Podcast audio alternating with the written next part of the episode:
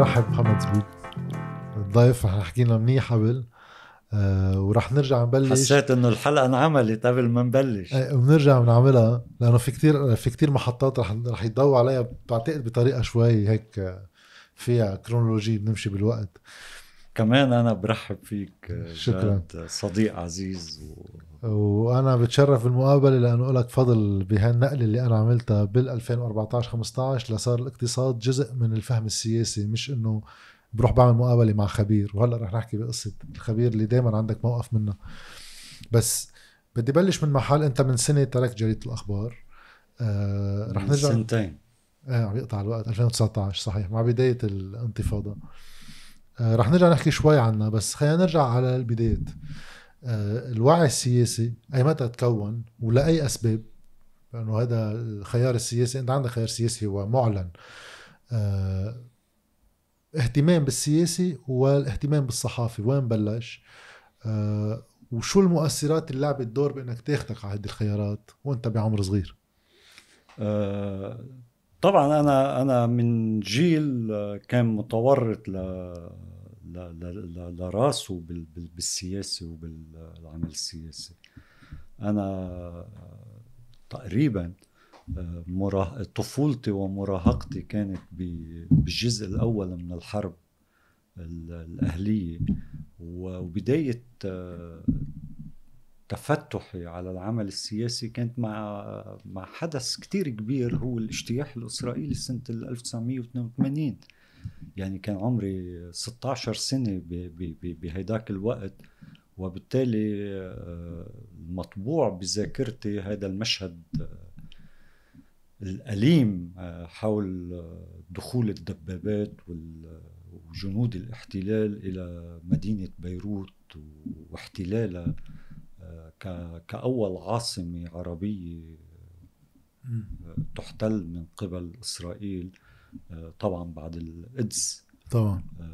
وشكل بالنسبة لي الاجتياح الإسرائيلي المفتاح للدخول إلى العمل السياسي الحزبي من زاوية محددة وواضحة و...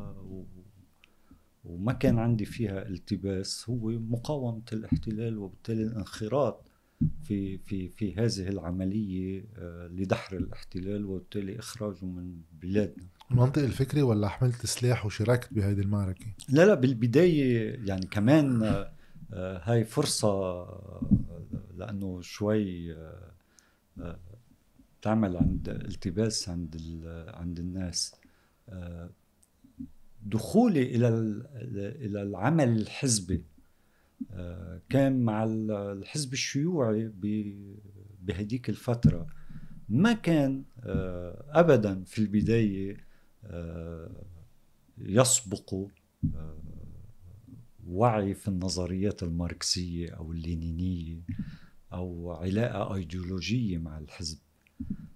كانت آه، تلبي بمثابة تلبي لنداء آه، لمقاومة الاحتلال. وبالتالي آه، كان بذاك الوقت يشكل الحزب الشيوعي الطليعة في في مقاومة الاحتلال. وكان من الطبيعي إنه إنه أنخرط في عمل المقاومة مع هذا الحزب. بس ليش بوقتها مثلا انخرطت عبر هذا الحزب مش مع أحزاب قومية عربية أيضا قاومت؟ قلت لأنه كانت طليعة. يعني م. دور الحزب الشيوعي في إطلاق جبهة المقاومة الوطنية اللبنانية اولا كان دور كبير آه، دور قائد لهذه العملية. وثانيا آه، ما كان آه، إذا بدك آه، بهيداك الوقت عم بحكي كان عمري 16 سنة ما كان عندي ميول لا قومية ولا طائفية يعني. كنت رد على اعتداء كان. إنه إنه إذا بدك لا إنه إنه كان بالنسبة لي الشيوعيين بعقل شاب مراهق بيمثلوا أيقونة في ظل حرب بشعة هالقد. الآخرين كانوا بالنسبة لي كتير متورطين في صراعات طائفية وفي في أشكال آه، عنف ضد المجتمع الأهلي وال. طيب هون في سؤال بيطرح نفسه. يعني بذاكرتي بهيداك الوقت آه، ما في صور كان عن الشيوعيين باعتبارهم آه، زعران الزواريب و... وبيخطفوا على الهوية و... وبيعتقلوا أو بيخطفوا أو آه، كان عندهم قدروا يحافظوا إلى حد ما وطبعا عم بحكي بعقل ذاك الوقت أي. يمكن هلأ اليوم بقراءة التاريخ لهديك الفترة يمكن عندي نظرة نقدية شوي. بطبيعة الحال مش شوي كتير يعني. بس بهداك الوقت كانوا بالنسبة لإلي آه، آه، بيمثلوا صورة أفضل من غيرهم. مم. آه، لا شاب آه، ليس طائفيا وما كنت آه، ما كنت خاضع لأي تأثيرات للفكر القومي. سؤال افتراضي. يعني يعني بعائلتي وبالبيئة اللي ربيت فيها آه، ما كان آه، إنه أنا ربيت ب- بعائلة عم بحكي عائلتي ال- الصغيره آه، إلى حد ما بعيدة عن السياسة يعني بيي ما كان يشتغل سياسي. آه، أمي امرأة عادية جدا إنه تهتم بأولادها وبعائلتها آه، عندي خيي الكبير كان ب بحركة فتح. آه، كيف كانت العلاقة جوات العائلة؟ باختلافات هي كانت بالأول بسيطة لا عم بحكي إنه كان عمري 16 سنة ب 82 وكانت حركة فتح خرجت من لبنان. أي. يعني يمكن آه، يمكن لو لو انخرطت في العمل قبل يمكن كنت تاثرت بخيي. هذا كان بدي أسألك إياه هو سؤال شوي افتراضي. اليوم لو أنت عمرك 16 سنة وحزب الله اليوم هو الطليعة في مقاومة إسرائيل كنت بتنتمي لحزب الله؟ من الصعب الاجابه بهيك افتراض. آه، قلت انه إنه اختياري للانخراط في العمل المقاوم آه، من بوابة الحزب الشيوعي مرتبطة بإنه ما كان عندي آه، ميل طائفي ما كنت خاضع لتأثير طائفي أو أو قومي هل لو وقتها كان حزب الله موجود وهو آه، الطليعي في مقاومة الاحتلال هل كان سيحظى بتأييدي الكامل؟ آه، بعتقد نعم. أنه بطبيعة الحال كنت أؤيد آه، أي قوة سياسية أو حزبية أو قتالية عم بتوجه جهدها لدحر الاحتلال الإسرائيلي. بس هل كنت انخرطت آه، بال بهذه العملية من بوابة حزب الله آه، بسنة ال 89 أنا غادرت الحزب الشيوعي اللبناني. آه، لأنه اعتبرت أنه أنه لم يعد ذات تأثير في في عملية المقاومة وبالتالي ما انتقلت إلى حزب الله ليش بوقتها؟ إنه طبعا مش جواب على فرضية إنه طبعاً. ماذا لو كنت لأنه عم نحكي عن. سياق واقعي كيف حصلت الأمور. آه ليش تركت الحزب أو ليش الحزب بطل طليع لا ليش تركت الحزب وليش قلت إنه ما فت على حزب الله هو خيار أخذته يعني هذا شيء صار. لا إنه إنه بمعنى آه، آه، بهاي الفترة كمان كانت هي الفترة اللي اللي تكون فيها وعي السياسي ال- ال- اللي متأثر جدا بالنظريات الماركسية اللينينية. وبالتالي لا آه، ما كان محل بيشبه لا كان هالشيء بالنسبة لإلي آه، بذاك الوقت الحركات الدينية تمثل خصم خصم حقيقي. وبالتالي تشكل خطر على ما أفكر به وأقتنع به يعني بمعنى آه، ولا لحظة آه، كان بالنسبة لي موضوع ال- الحركات الدينية هو موضوع هامشي أو أو جانبي. طيب هون صرنا نحن بال 89 بين ال 82 اللي كان عمرك فيها 16 سنة وال 89 في حوالي سبع سنين هالسبع سنين في مدرسة وفي جامعة وفي عم تبلش تقبل على الجانب المهني. آه، شو اللي أخذك على الصحافة؟ شو شو كان اختصاصك بالجامعة؟ على أي أساس انتقلت؟ بهديك الفترة كنت عم بدرس بجامعتين في الجامعة اللبنانية. يعني كنت عم بدرس بالعلوم السياسية والإدارية آه، وما كملت.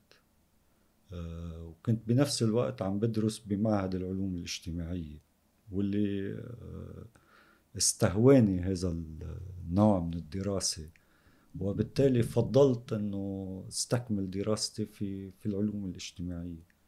آه، ما حبيت ابدا العلوم السياسية. ليش؟ أنا عامل علوم سياسية. آه، لا لأنه اعتبرت خارج بجزء كبير منها آه، تحديدا بالجانب المتعلق بالقوانين الإدارية وال مم. وهاي المسائل إنه إنه خارج اهتمامي الشخصي. ما كنت ما كنت مأخوذ بهذا النوع من الدراسة. طيب بس هلا هلا وبالتالي وبالتالي في سحر آه، بالعلوم الاجتماعية جذبني بشكل كامل له وقررت إنه كمل آه، اختصاصي الجامعي في معهد العلوم الاجتماعيه. وهذا اللي حصل. بس هون في في سؤال. وتخرجت سنة التسعين وانتقلت مباشرة على العمل الصحفي. هون السؤال بصير نحاول كلمتين يعني. الصحافة والاقتصادي. لا عملت إعلام ولا عملت اقتصاد. شو اللي أخذك من هون لهون؟ أول شيء ال- العلوم الاجتماعية منا يعني منا حقل آه، في الدراسة الأكاديمية بعيد آه، بشكل كبير عن ال- الحقل الاقتصادي أو ميدان الاقتصاد بل بالعكس يعني انه انه إنه من خلال دراستي في العلوم الاجتماعية بالواقع تعرفت آه، إلى النظريات الاقتصادية وبالتالي زاد اهتمامي فيها. آه، يعني كان جزء من ال- المنهاج آه، له علاقة ب- بالتنمية ب- بالإقتصاد السياسي بالتخلف بكتير قصص لها علاقة مباشرة. بالاقتصاد وبهديك الفترة آه، بفترة دراستي بالعلوم الاجتماعية آه، تعمقت معرفتي بال- بالنظريات الماركسية يعني صعيد فردي أنت يعني جهد كل- فردي نعم إنه إنه كل تجربتي بال بالحزب الشيوعي. ما قبل الجامعة جعلتني اتصرف بأنه أنا آه، في الحزب الشيوعي. ولكن ما كنت بعدني بملك الأدوات النظرية. الدراسة في الجامعة اللبنانية بمعهد العلوم الاجتماعية قربتني أكثر على آه، إذا بدك آه، التثقيف ال- الماركسي. يعني بهديك الفترة بس هذا خيار فردي مش إنه بقلب المنهاج نفسه. بس ال- المنهاج بي- بيوزك يعني. إيه بحرضك. إنه بيخليك تروح بهالاتجاه وتتعرف على النظريات الاجتماعية ومن ضمنها النظرية الماركسية. فبما إنه لي ارتباط آه، سابق. سابق بزيد اهتمامي بهذا الجانب. وكنت آه، سجالي جدا مع مع اساتذتي بالجامعة لحد هلا ببين عليك لحد هلأ بيتذكروني وبتذكرهم وبس نلتقى بنتحدث عن هذيك الفترة آه، لأنه آه، كان مع يعني ال- الأكثرية الأساتذة في في معهد العلوم الاجتماعية آه، يا ماركسيين سابقين يا خصوم للماركسيه. يعني ما كانوا مساعدين جدا. بس السؤال هون بصير أوكي بس هيدا الشق الاقتصادي والشق الصحافي ليش؟ آه، هو كمان آه، عم عم بنعش الذاكرة آه، دخولي للصحافه ما كان آه، ما كان مخطط له أو ما كان ما كان الغرض إنه أنا بدي خلص جامعة وأشتغل صحافي ما كانت الفكرة موجودة مم. بالواقع من خلال آه، وجودي بمعهد العلوم الاجتماعية ومن خلال هالعملية التثقيف اللي اللي خبرتك عنها التثقيف الذاتي. آه، كمان آه، ربي عندي إذا بدك آه، نوع من آه، من حب الكتابة حب التعبير. وبالتالي صرت حاول عبر عن اللي عم بفكر فيه من خلال الكتابة وتسنى لي آه، هيك بال بعتقد بال 89 آه، أو بال ببدايات التسعين آه، إنه اكتب بجريدة النداء عدة مقالات. هونيك تم التعرف علي. من قبل. آه الله يرحمه سهيل عبود كان مدير تحرير الجريدة. آه فانتبه وأيضا شخص آخر آه، بحييه آه، حسن الشامي آه، كان صحافي في الجريدة. فوقتها وطبعا عم بقول عم بنعش الذاكرة ما بدي أنسى حدا. وكان في شخص اسمه جوزيف أبو عقل كمان آه، الله يطول بعمره. آه، انتبهوا الكتابات لمحاولاتي بالكتابة. بس بلشت من الأول صحافة اقتصادية ولا بلشت ما هون عم ب... ف... فهون إجوا يعني كل واحد بمحل انه إنه ليه ما بتشتغل بالجريدة؟ ليه ما بتشتغل صحافي فبالنسبة لإلي إنه شخص مخلص الجامعة هلأ وعم بينعرض عليه هيك عرض. فرصة. فكان بالنسبة لي فيها إغراء كتير كبير. ف... فما ترددت بأنه بأنه أقول إيه إنه بدي أعمل هذا الشيء. إنه بدي إنه إنه صحح لي روح أشتغل صحافي ف... ف... فكان الخيار إنه إنه بلش بإذاعة صوت الشعب. آه بالراديو. بالراديو. وهيدا كان اقتراح آه، جوزيف بوعقل. إنه آه، بصفة شو؟ كان وقتها حنا غريب آه، حنا صالح عفوا هو مدير الإذاعة. فوقتها هو تولى إنه يعرفني على حنا صالح وبالتالي يطلب منه مساعدتي بإنه أشتغل بالإذاعة وحصل هيدا الشيء. شو اشتغلت بالإذاعة؟ بالإذاعة وقتها سلمت آه، الملفات المتعلقة بالقضايا الاقتصادية الاجتماعية. وهون لاقول شغلة لا زالت لحد اليوم. آه، المشكل بالإعلام اللبناني وبالصحافة اللبنانية إنه دائما بصير التعامل مع الأقسام الاقتصادية باعتبارها درجة ثالثة ورابعة في ازدراء إنه إيش الحال؟ انه إنه أنت جاي بدك تجرب إنه أوكي جرب بهالمحل. شيء هامشي منه أساسي. للأسف بتركيبه الجرايد والتلفزيونات والإذاعات والمواقع الإخبارية دائما في تعامل مع الصحافة الاقتصادية باعتبارها press release وشغل هامشي ف فكوني مش شاغل صحافي قبل وكوني جاي على الإذاعة بواسطة جوزيف أبو عقل كان الخيار إنه طيب أوكي شغلوا لهالشاب خليه يتابع قصص اقتصادية اجتماعية. أساس هيك بتبلش تحت. بعدين آه. بعدين إنه بنشوف بعدين شو بيصير. بس بالواقع مع دخولي على على شغل الصحافة آه، حصل تطورات آه، فينا نتذكرها من خلال تطورات اليوم إنه إنه رجعت اشتدت الموجات التضخمية ازداد آه، التعثر المصرفي استمرت لأيلول 1992 أزمة مالية نقدية مصرفية هائلة كبيرة إنه أكيد كل الناس بعدهم بيتذكروا هذيك آه، الفترة فدخلت على العمل الصحافي بظل شيء كبير. إيه. فهون آه، بلشت آه، إذا بدك تتوطد علاقتي مع الاقتصاد من زاوية الصحافة. وبالتالي عشت كل هيديك المرحلة كصحافي يعني. إنه آه، بعرف منيح آه، ما حصل بهديك الفترة داخل النقابات العمالية. آه، لأني كنت عم بغطيها. آه، أنا مثلا بتذكر منيح آه، أنا كنت عم بغطي استقالة عمر كرامه بأيار 91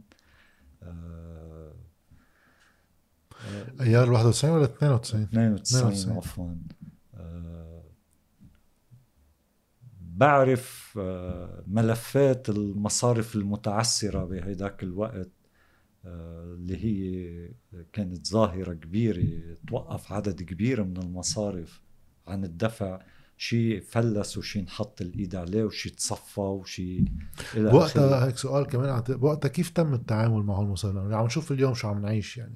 في لا وقتها وقتها صدر قانون آه، عن مجلس النواب آه، بينظم عملية تصفية المصارف المتعسرة وبالتالي تم التخلص منها بطريقة آه، أكيد لا تقارن مع اللي حاصل بس هون عم نحكي يعني. نحن بمرحلة انتقالية. ما قبل مجيء الحريري إلى السلطة ما قبل وصول رياض سلامة إلى السلطة ما قبل تركيب شكل المجدد لا لا ما هي استمرت يعني. آه. هي أخذت وقت. آه، مسألة المصارف المتعارضه ما خلصت آه، بلحظة زمنية سريعة. لا لا استمرت لل 94 95 المعالجات المتعلقة بتصفية هاي البنوك وبالتالي شيء شطب عن لائحة المصارف شيء تم دمجه بمصارف تانية شيء تم شراؤه. فكان في عملية مستمرة وأخذت آه، أكثر من سنتين ثلاثة تقريبا. آه، بس آه، عم بقول بالمقارنة مع اليوم لا كان في كان أفضل. في في في وجهة معينة لأنه بعد في محاولة لم لم هاي القصة بأقل الأضرار مش نعرض آه، كل شيء ل للمخاطر اللي عم نتعرض لها اليوم. طيب في أسألك سؤال عن التجربة. فهون بس بدي أقول إنه آه، اللي حصل آه، إنه نتيجة هالتطورات المتسارعة اللي اخذت آه، أشكال خاصة بالاقتصاد وبالأوضاع الاجتماعية وإلى آخره. آه، تسنى لإلي أنه أنه أصعد آه، في سلم الارتقاء الوظيفي. الوظيفي في في الإذاعة بسرعة قياسية. يعني أنه مع حلول 92 أو 93 إنه كنت صرت آه، في هيئة التحرير بالإذاعة كان عندي آه، كنت يعني صار الموضوع الاقتصادي بالأولويات بطل نعم. هامشي. وبلشت أنا آه، أعطي أهمية لهذا الموضوع. يعني بتذكر أول تجربة خاصة لإلي بالعمل الإذاعي وبتصور ما كان الإذاعات الثانية عندهم هيدا الشيء اطلاقا. عملت شيء آه، وقتها اسمه النشرة الاقتصادية. آه. آه، بتذكر منيح كانت تنبث كل يوم الساعة ثلاثة ونص بعد الظهر. ف... فلا. توسعت القصة. و... و... وأثبتت بانه إنه بيطلع من أمرك. واضح. الفكرة إنه عياش طبعا بعد منا هذا فتح لي أبواب تانية على شغل آخر.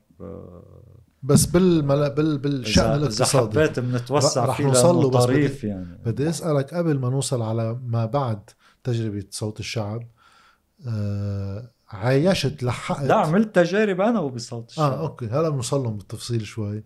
بس لأنك عايشت خاصة بمشروع الإعمار وب ما هلا رح أوصل أنا ب... أنا بدي أبقى بمرحلة ما قبل 92 لأنك يعني لحقت يعني شيء خاصه بادمون عين هيك لن لن نقول شغلات بتسلي إيه. إنه بهديك الفترة بال 94 أو بال 95 آه، نشأت علاقة جيدة بيني وبين نقولا شماس هلا رح مهمة رح نوصل لها بس نعرف وين كنا وين صرنا يعني. لنشوف مين اللي تغير لا لحتى ما تنترك لبعدين إيه. نشأت هاي العلاقة لأنه نقول شماس كان عم بيمثل جانب من البرجوازية اللي ظاهرة من الحرب واللي متوجسة من رفيق الحريري ومن ليش؟ كان في خوف عنده انه إنه جاي رفيق الحريري بين مزدوجين السني اللي كان بالسعودية ياخد من البرجوازية المارونية امتيازاتها ومكتسباتها السابقة فكانوا كتير عندهم معارضة لمشروع رفيق الحريري. ما كانوا كتير مش مثل هلأ يعني. لا اي متى بقيت كان بعد كان بعد ما استوعبهم وما ما ضبهم معه يعني. إيه بس لا متى بقيت هيدي الحالة الصدامية. بعتقد استمرت وبلشت تقل كتير من ال من 98 وطلوع. يعني من مجيء آه، إيميل لحود على رئاسة الجمهورية وإخراج رفيق الحريري من الحكومة بذاك الوقت وتأليف حكومته الخاص. آه، حصل استنفار كتير كبير ونجح آه، رفيق الحريري بأنه يقنع اللي كانوا متوجسين وخائفين بأنه هو يحمل مشروعهم هن مش إيه. مش شيء ثاني مش صدامة. إنه تعال نبني الشراكة. رح ارجع شوي لقبل وهلأ رح نرجع لهي محطات بالتسعينيات أساسية حتى أزمتنا يمكن مبلشة من وقتها. بس بفترة ال 89 لحديت 92 يعني أنت عيشت من موقع قريب حاكمين مصرف مركز غير رياض سلامه مع إدمون عيم وبعدين آه، ميشيل خوري كصحافي ما لحقته إلا بفترة الأخيرة لإدمون عيم يعني. إيه بس عندك شوية ذكريات بالاختلافات كيف هذا آه، الموقع لأنه كتير يحكى عن ادمون عيم بأدوار كتير مختلفة من من خلال الموقع بحكمية مصرف لبنان للي ركب بعدين. يعني كان حتى عم بيعمل صدامات من نوع آخر ومواجهات من نوع آخر. ميشيل خوري قطع مرحلة انتقالية بالنص. هاي الفترة لا وهن على فكرة شخصيتين مختلفتين. اي تماما. إدمان نعيم شيء وميشيل خوري شيء لا حتى ميشيل خوري مربوط بالانهيار اللي صار ب 92 الحركة اللي صارت والبيان اللي طلعوا إنه ما بيتدخل لدعم سعر صرف الليرة وكانت وقتها مفاجئة. بس على فكرة إنه ميشيل خوري ما كان أول مرة بيعمل حاكم مصر في لبنان. يعني فترة آه، اللي, اللي انهار فيها سعر الصرف هي آه، فت يعني ولاية تانية كان جاي عليها ميشيل خوري كحاكم مصر بالثمانينات سبق ولعب هذا الدور. آه كمان بالانهيار المالي صار بالثمانينات بأول 83 لا لا آه آه. بعد آه بأيام الياس سركيس أوكي. على ما أذكر من إيه. من كثير بالتاريخ المحدد يعني.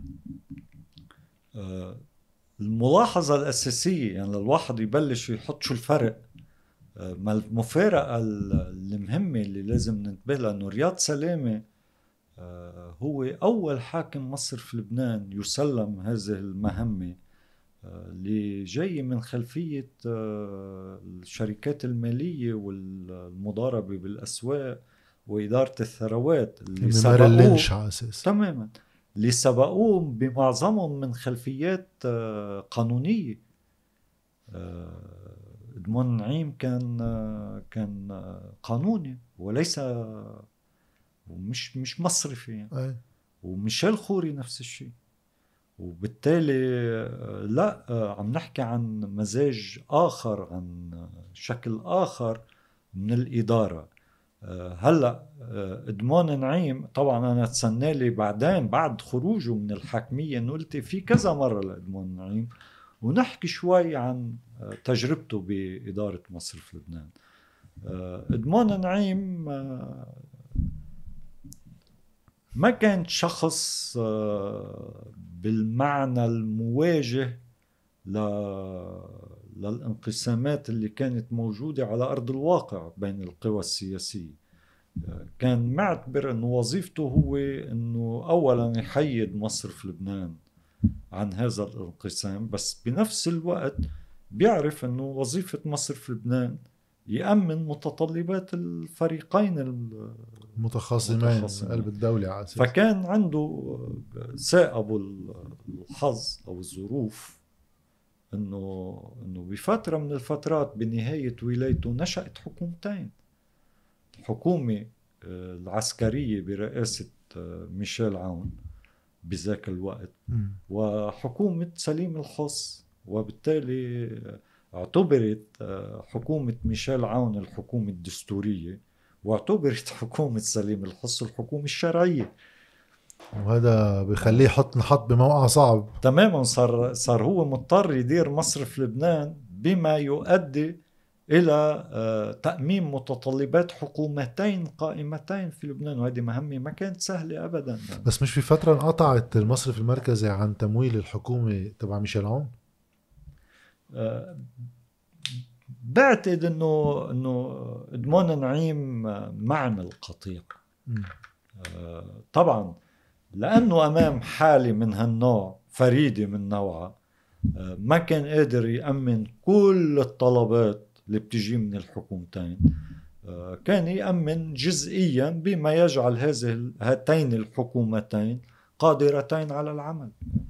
بس إنه أكيد ما كان عم بينفذ لهم كل متطلباتهم وعشان هيك تعرض لمشكلات كبيرة وتحصن داخل مصرف لبنان. الصورة الشهيره اللي قاعد وراه. إقام يعني جعل مكان إقامته داخل مصرف لبنان لحتى ما يتنقل وما يظهر ويفوت على مصرف لبنان. وتعرض لمحاولة اختطاف من من داخل المصرف المركزي م. يعني ما كانت الظروف اللي اللي عمل فيها حاكم مش طبيعية. فكان ظروف كتير استثنائية وكتير آه، خطرة. طيب شو ركب ب 92 أما أما ميشيل خوري فهو نموذج آه، آخر آه، أقرب لل للأوليغارشية مما كان إدمون نعيم مش معناته ما كان قريب إدمون نعيم بس ميشيل خوري كان أقرب. شو اللي ركب ب 92 يعني ما كان 93 ما كان عنده ميشيل خوري أي اتجاه لمعارضة الواقع اللي كان قائم. وخير دليل إنه إنه وقت ال وقت ال بدأت عملية الترتيب آه، بعد 92 آه، طلب من ميشيل خوري إنه يستقيل هو ونوابه لتعيين رياض سلامة وبالتالي بعد ولايته ما انتهت. لا قعد سنتين ونص آه، من هذه الولاية. وبالتالي نفذ المطلوب منه لبى يعني. النداء يعني. بس هون سؤال كان في ما يستيل ويكمل الولاية. طبعا هلا عم نشوف هلا طبعا كان في قدرات عند المصرف كان مرتكب آه، أعمال مشبوهة آه، بإعلان وتوقف مصرف لبنان عن التدخل بسوق القطع اللي ادى لوصول آه، سعر الليرة. بأيلول 1992 ل 2850 ليرة. بهذاك الوقت كان ارتفاع هائل. كانت عند 800 900 يمكن قبل. تماما. ف... فلا كمان هو متهم بالتلاعب ب... بسعر صرف الليرة. شو هو الشيء اللي تغير بمصالح آه. اللبنانيين يعني. شو اللي تغير بوظيفة المصرف المركزي مع الشيء اللي ركب ب 92 93 مجيء رفيق الحريري كان براسه في مشروع كتير واضح يعني حاول يسوق له بوقتها الربيع لبنان الآتي ودور المصرف المركزي كان في طلوع ونزول لأنه اللي بنقراه عن هذيك الفترة كان في صراع شوي حوالي رفيق الحريري على الإمساك بالسياسة النقدية والمالية بين فؤاد السنيورة من مال اللي بدأ كوزير دولي للشؤون المالية لأنه كانت حتى يمكن عند رفيق الحريري بالبداية وزارة المال بشخصه. ورياض سلام اللي هو مقرب لرفيق الحريري من أيام ماري لينش بإدارة محفظته المالية يعني من أيام القطاع الخاص. هذيك الفترة شو اللي هو اللي كان عم بيركب على اختلاف مع ما سبق؟ لنوضح طبيعة الاختلاف. كان خلاف بين مستشارين لرفيق يعني لحتى ما نعطيها أبعاد إنه يا لطيف. يعني. كان في مستشار اسمه فؤاد السنيورة مسلمه شؤون وزارة المالية ومستشار آخر مسلمه شؤون مصرف لبنان. بس للتذكير فؤاد السنيورة كان بمصرف لبنان كان موظف بمصرف لبنان. كان بلجنة الرقابة على المصارف أيضا. ف... فبالتالي بطبيعة آه، وظائف وزارة المالية ومصرف لبنان هناك تناقض. تناقض ما بين السياسة المالية والسياسة النقدية فينا نوضحها شوي هاي للناس اللي عم بتتابع المواضيع يمكن ما كتير بتتابع. لا وين ما كان بالعالم آه، في آه، هدفين مختلفين آه، بتأديه يعني هدف بتأديه وزارة المالية أو السياسات المالية وهدف بتأديه سياسات نقدية. البنوك المركزية. الطاغي على يعني بمعنى لاعطي مثال لحتى ما نغرق الناس بكلام يبدو كطلاسم. إنه إنه إذا إذا مصرف لبنان عنده آه، وظيفة بجذب تدفقات مالية من الخارج بيكون آه، جزء من ادواته رفع أسعار الفائدة. إذا وزارة المالية وظيفتها تيسر انفاق الدولة وبالتالي بدها تتدين. بيكون جزء من مشكلتها إنه أسعار الفايدة عالية. لأنه كلفتها عليها عالية. تماما. وبالتالي بتقيد السياسات المالية. هيدا بالعام. م. أما على المستوى الشخصي آه، بحالة فؤاد السنيوره ورياض سلامة فكان تنافس على مين بيلعب الدور الأبرز عند رفيق الحريري مش مش محل تاني. واللي هو كان مبني على فكرة يعني مديونية بالبداية. وعلى فكرة لحتى ما كتير نعطي بعد كبير لهي المسألة. هو بالواقع هذا النزاع بين فؤاد السنيورة ورياض سلامة آه، ما ظهر فعليا آه، بشكل آه، واضح إلا قبل باريس واحد واثنين. يعني عم نحكي 2001 ما بعد انتخابات ال 2000 اللي اللي كان في رغبة عند رياض سلامة بأنه هو يلعب الدور الأساسي بعملية باريس. بوقت إنه شاف آه، فؤاد السنيورة إنه دوره عم بيتقلص وهو وزير ماليه فطحش إنه لا هيدا دوري وهي وظيفتي. آه، طبعا آه، رفيق الحريري زبط اثنين. حل المشكلة بيناتهم. طيب بتنين على الأرجح قال لهم اثنيناتكم تشتغلوا عندي يعني إنه إنه هدوا لي البال شوي. سؤال هيك شوي بيرجع ل 92 ل 98 بهالفترة. في كثير بيحكوا عن الحريرية السياسية وتربط بهالكلمة الحريرية السياسية الخيارات المالية والاقتصادية العامة اللي أخذت اللي اتخذت بهذيك الفترة. هل هذا المصطلح آه، منصف؟ لأنه أنا okay هي الخيار انطلق من عند رفيق الحريري بس مين اعترض عليه؟ يعني ليش حريريه سياسيه إنه نبيه بري؟ ما كان كتير خصم. أما وليد جنبلاط ما كان كتير خصم. طبعا الياس الهراوي ما كان خصم. من كان الخصم؟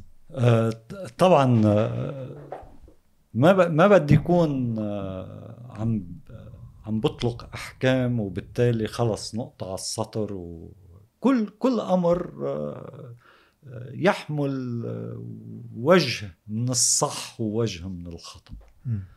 آه، هل كان رفيق الحريري استثنائيا في المشهد اللبناني؟ نعم. هل كان يملك مشروع براسه حول الاقتصاد وإدارة الدولة والمجتمع وإلى آخره؟ نعم.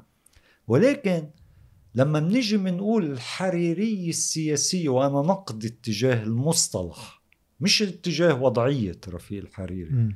أعطي رفيق الحريري ما لم يحصل عليه رئيس حكومة يمكن من رياض الصلح لليوم. ولكن تلك المرحلة كانت مرحلة الوصاية السورية بامتياز. مين رفيق الحريري؟ قدام الوصاية السورية. يعني تكبير المسألة أنا أعتقد أنه هو يقلل مش بالضرورة عن قصد ولكن يقلل من آه، وطئة وأهمية آه، وإذا بدك الدور الحاسم للوصاية السورية. كانت إدارة البلد بما في إدارة سياسات رفيق الحريري من المستحيل أنها تصير لو ما كان في الوصاية السورية. الحاكم الفعلي يعني. بس هون بصير يعني في حديث عن التسوية اللي هي إنه السياسي والأمن عند السوريين أما الاقتصاد فهي الشراكة السورية السعودية والاتفاق بوقتها. لأنه هل سوريا كانت فايتة بقصة الاستدانة بالدولار سنة 98 ما هو ما هو بيكون كتير مشكلة إذا إذا استمرينا بقراءة الأحداث مش في ظروفها بظروف اليوم. في عيون اليوم.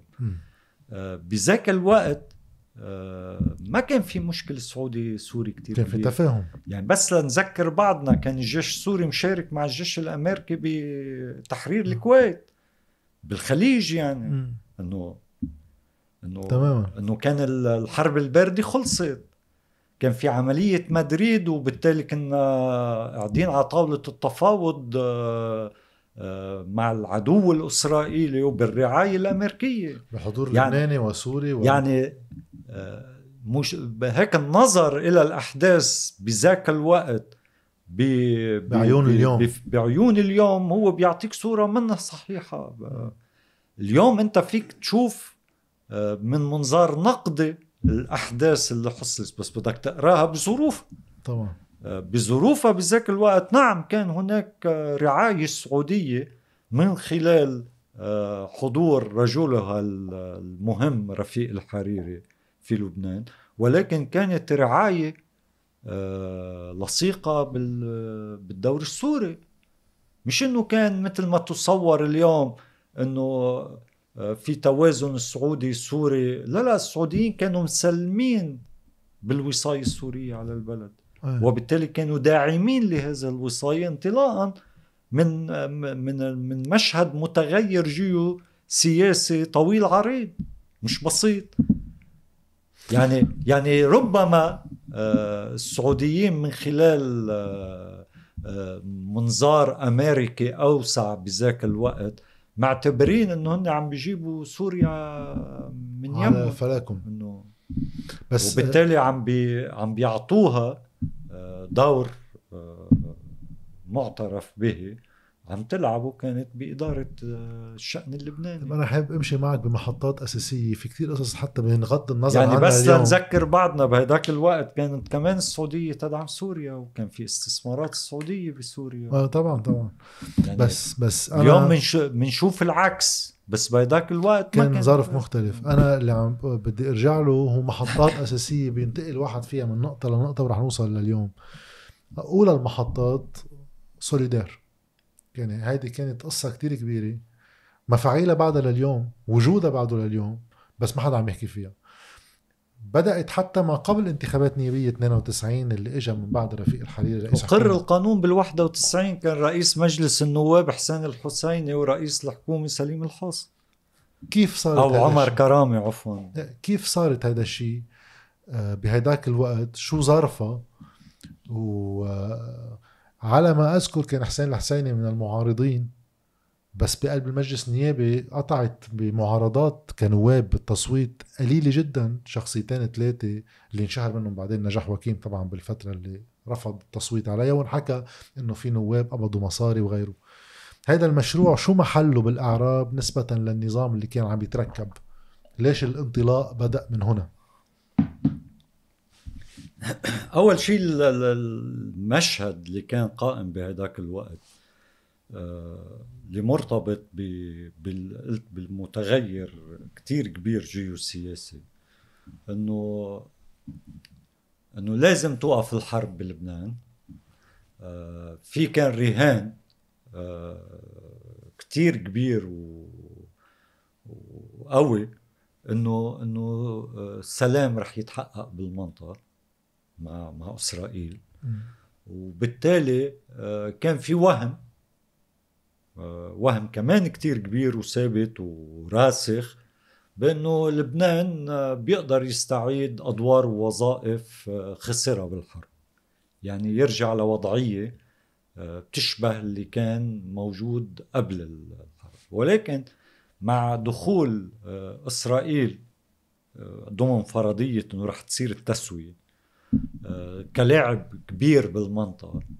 ومع آه، الدمار اللي أصاب البنية التحتية في لبنان والتراجع الكبير بال- بالاقتصاد اللبناني نتيجة 15 سنة حرب ظهر فكرة إنه لازم نحن نعوض عن اللي فاتنا يعني آه، نروح ب ب- بقفزة إلى الأمام آه، من خلال تطوير آه، مدينة بيروت بإنشاء مركز تجاري جاذب للشركات العالمية الكبيرة اللي رح تتخذ من بيروت آه، نقطة الانطلاق لإلها لاختراق آه، سوق الشرق الأوسط الجديد. ما بعد التسوية و- وبالتالي كان هيدا الشيء عم بيتقدم. آه، بأنه بيحتاج لنمط آه، من من النمط اللي صورت على أساسه شركة سوليدار بأنك أنت بتخلق جزيرة بمنطقة حيوية داخل مدينة بيروت اللي هي الأسواق التاريخية السابقة. مستغل بأنه الحرب دمرت جزء كبير منها وبالتالي عطل الدورة على مدى زمني كتير طويل وهجروا آه، سكانها وتجارها وأصحاب الحقوق فيها. فعندك هيك آه، شقفة أرض كبيرة. آه، وجاهزة لأنك تنتزعها تجرد أصحابها من الحقوق عليها بدون مقاومة كتير كبيرة. وتبني فيها هالمركز الجاذب لل للشركات. كل فكرة سوليدار كانت قائمة على هالرهان اللي اسمه الشرق الأوسط الجديد. وعلى رهان بأنك أنت فيك ترجع تلعب أدوار الوساطة اللي كنت تلعبها بالسابق الاعتراض على آه، مشروع سوليدار آه، هو نشأ من تيارين آه، مش تيار واحد. تيار كان عم بيقول إنه إنه لا في سلام وبالتالي هذا مشروع مشبوه وما لازم نقبل فيه انطلاقا من رفضه لعملية مدريد وعدم توقعه لنجاحها. آه، وفي تيار آخر آه، كان عم بيقول إنه إنه لا يمكن للبنان إنه يستعيد أدوار الوساطة السابقة نتيجة المتغيرات تغيرت المنطقة كلها حوالينا. بالمنطقة وبالاقتصاد العالمي وإلى آخره. وبالتالي آه، عم بيعبر من ذاك الوقت على إنه هناك أهداف أخرى من وراء شركة سوليدار. هي آه، مراكمة ثروة من خلال آه، نهب العقارات ذات القيمة العالية آه، اللي بوسط بيروت وبالتالي هذا اللي حصل. فلا حصلت عملية التسوية ولا استعدنا الأدوار السابقة وتم السطو على كل هالأرض الموجودة بوسط بيروت. وسط بيروت بشكل كان بهداك الوقت قبل الردم وإلى آخره. تقريبا 40% من مساحة بيروت الإدارية. يعني ما كنا عم نحكي عن مشروع بسيط. صغير مش مش مول. فعم نحكي عن تقريبا 40% من بيروت الإدارية وهذا شيء ضخم بحياة مدينة. اثنين كان في 130 ألف شخص قبل الحرب بيشتغلوا بيسكنوا بهالمنطقة. تم آه، إنهاء أي علاقة لهم بالمكان وبالتالي آه، طردهم كليا من من من من وسط بيروت. آه، وانتهى الأمر إلى ما انتهى عليه. يعني هون بس بدي أقاطعك بشغلة. ف ف فهون لما بنحكي عن التراكم بالتجريد من الملكية شكلت سوليدار فعليا تناقض كتير كبير مع الأيديولوجيا المهيمنة في لبنان ومع نص الدستور اللي بيقول إنه في القدسية للملكية الخاصة وبالتالي تم استملاكها آه لمصلحة شركة خاصة. بس يعني أنا اللي انت بدي أنت عم تنزع ملكية خاصة بالقانون لتعطيها لملكية خاصة. وعم بتحول ملكية الأشخاص من آه من طبيعة ثابتة اسمها ملكية العقار لطبيعة متغيرة اسمها أسهم. آه، رجعوا لموها منهم بعدين بتراب المصاري. ما أنا بدي أعطي مثل بس لأنه نحن مثلا بيي بهيدي الحالة كان عنده محل على باب إدريس 150 متر. بمشروع سوليدير تم تقسيم بيروت ل zone A zone B zone C. zone A سعر المتر فيها صنف 10000 دولار ال B 7500 وال C 5000 هو كان بال zone A. فهال 150 متر المفروض يعني قيمتها مليون و500 ألف دولار. وقتها تم الاستيلاء عليها وتخمينها لتاخذ تعويض. التعويض كان 9000 دولار أسهم يعني أقل من متر واحد. هلأ نحط بوقتها آلية اعتراض إذا اعتبرت حالك مغبون. فتم اللجوء لهالوسيلة الاعتراض. بيطلع القاضي الله يرحمه وليد عيدو كان بوقتها. وقال مزبوط أنتم كان مغبونين. رئيس لجنه التخمين. إيه، وقال مزبوط أنتم مغبونين. بدل ال 9000 بيطلع لكم 11000 وهن أسهم يعني. فبس واحد بيتخيل إذا تم لا ما أخذ ملكية عاصمة كلها بهالأسعار الصغيرة ومش بس وبترجع هيك بتبيعها. ما هي ما خلصت هون ما أنت إذا بترجع بتكمل تم التلاعب بأسعار الأسهم. وإيهام الناس بأنه عندهم مصلحة يتخلصوا من الأسهم ويبيعوها. وتم لما من البورصة.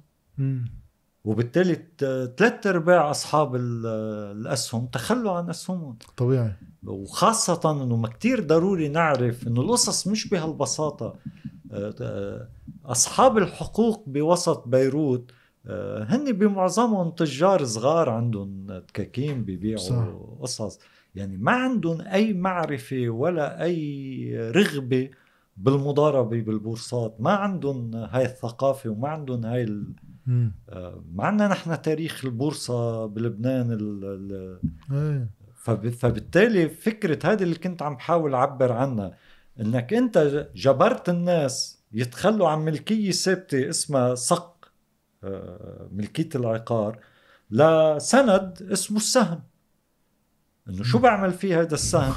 لما لما بلشت المضاربات بالبورصة صار بالنسبة للعالم إنه إنه خي خليني بيعه وأخلص منه بيطلع لي مصاري. إنه شو بدي أعمل فيه لسهم فبالتالي هن نهبوهم في التخمينات ورجعوا نهبوهم باسترداد الأسهم. بشراء الأسهم منهم بأسعار آه، غير متناسبة مع آه، قيمة العقارات اللي تم السطو عليه ف ف فبالتالي تحول مشروع سوليدار كله مثل ما هو اليوم إلى مشروع مضاربة عقارية وبالتالي مراكمه ثروه عقارية. مش هيك ما حدا قاعد فيها لأسباب هالمضاربة بس أنا سؤالي هذا هذا وسط تاريخي لمدينة بيروت هذا هذا قلب العاصمة انه وانه بيطلع كانوا لك صارت منطقة بيطلع لك نقول شماس إنه ما بدنا نحوله لأبو رخوصة تفضل. آه.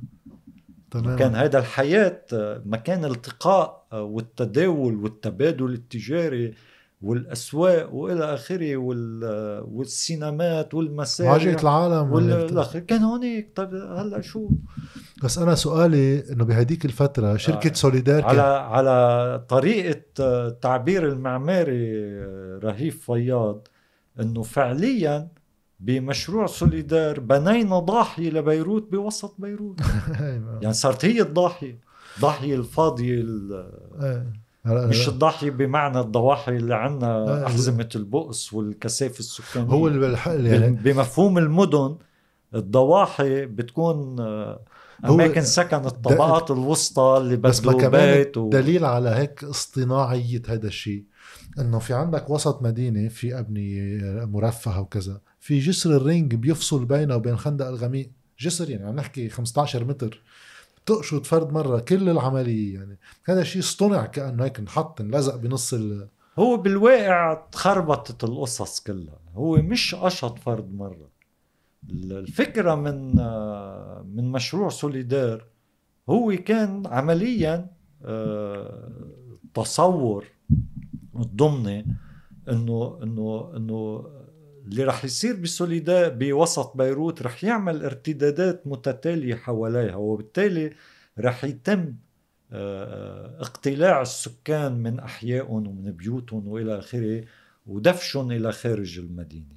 إذا أخذنا فترة طويلة من من من هذا المشروع عم نحكي لحد آه، 2005 آه، كان جزء من هاي العملية عم يحصل بس يعني ما كثير قال لها يعني في مشروع اللي صار لا. على أساس بالضاحيه وفي لا مشروع لا عم اللي نور بحكي بمحيط يعني يعني شوف شو صار بالصيفة شوف شو صار آه بالباشوره دانيميل شوف شو صار بجزء من الخندق الغميق آه، مشروع بي دي دي مثلا.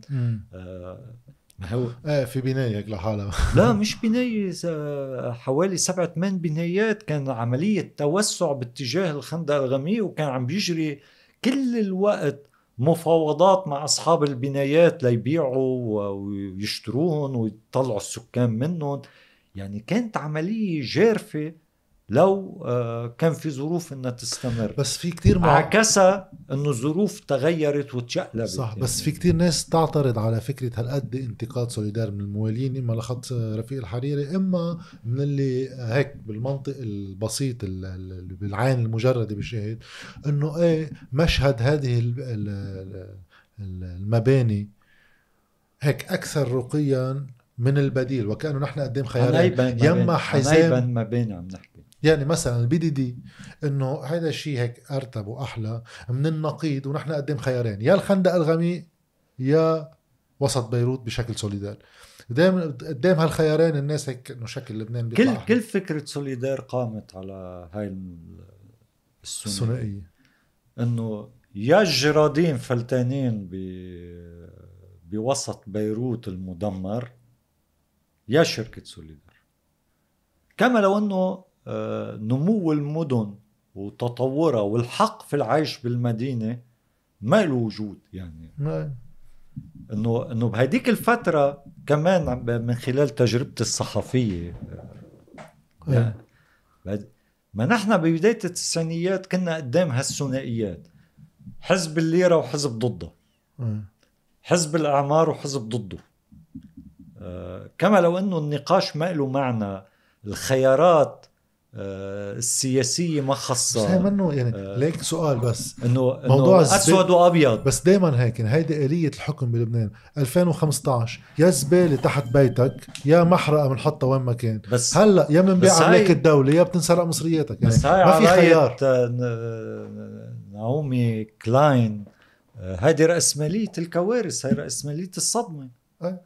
يعني أنت دائما بتستغل الصدمة أو الكارثة لا لتجبر فشخة. لتجبر العالم على خيارات مش لمصلحتها.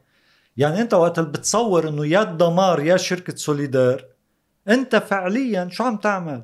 عم تفرض على الناس انهم يقبلوا خيار تحت الصدمة تحت الكارثة. انتزاع أملاكهم وحقوقهم هي مش لمصلحتهم لأنه لأنه في خيارات أخرى إنه يكون خصهم بوسط المدينة ويكون وسط المدينة آه، حلو آه، بيتفاعلوا فيه موجود بخدمتهم إلى آخره. يعني لهم حق فيه وقابل للعيش فيه نعم. أما التجارة فيه يعني- أما أي نوع من الانشطه يعني الاجتماعية. كثير من تجارب آه، أعمار المدن آه، كان مختلف. طبعاً. وفي تجارب لا كان له أغراض آه، مثل سوليدار. يعني طيب تنقرب فشخة شوي.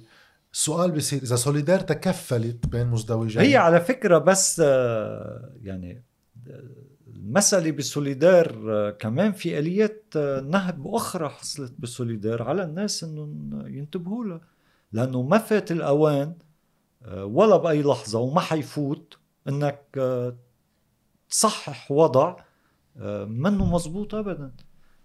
اللي هو على سبيل المثال إنه كتير الناس لازم يعرفوا الآلية اللي تم فيها السطو على عقارات المستحدثة بالردم بالبحر. مم. لأنه حصلت بعملية آه، تشبه عمليات ال- اللصوصية.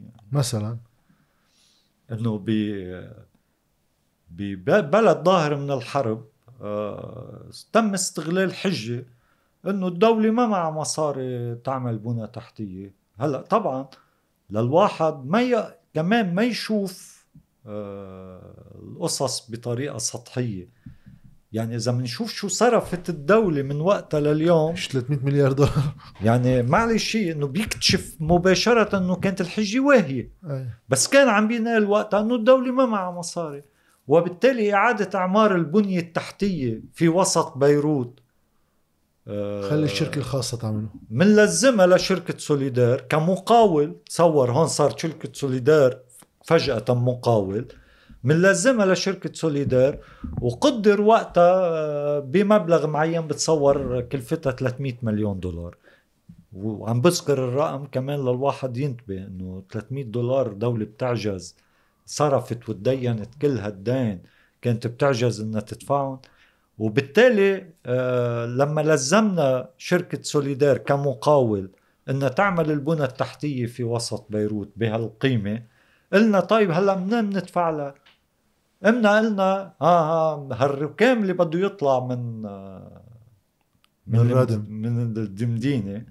وهون في تقارير رسمية بتقول إنه 80% من الأبنية اللي تم دكها وهدمها بوسط بيروت لخلق أراضي قابلة للمضاربة العقاريه آه، كانت قابلة للترميم ما كان بدها هاد. نتذكر مشاهد بالتسعينيات الانابل اللي بتنحط بقلب البناية تماما. كانت كانت مشهد استعراضي تماما. وتفاخر إنه وبي وبأبنية أجمل بكتير من اللي عم بيحكوا عنها العالم يعني إنه آه.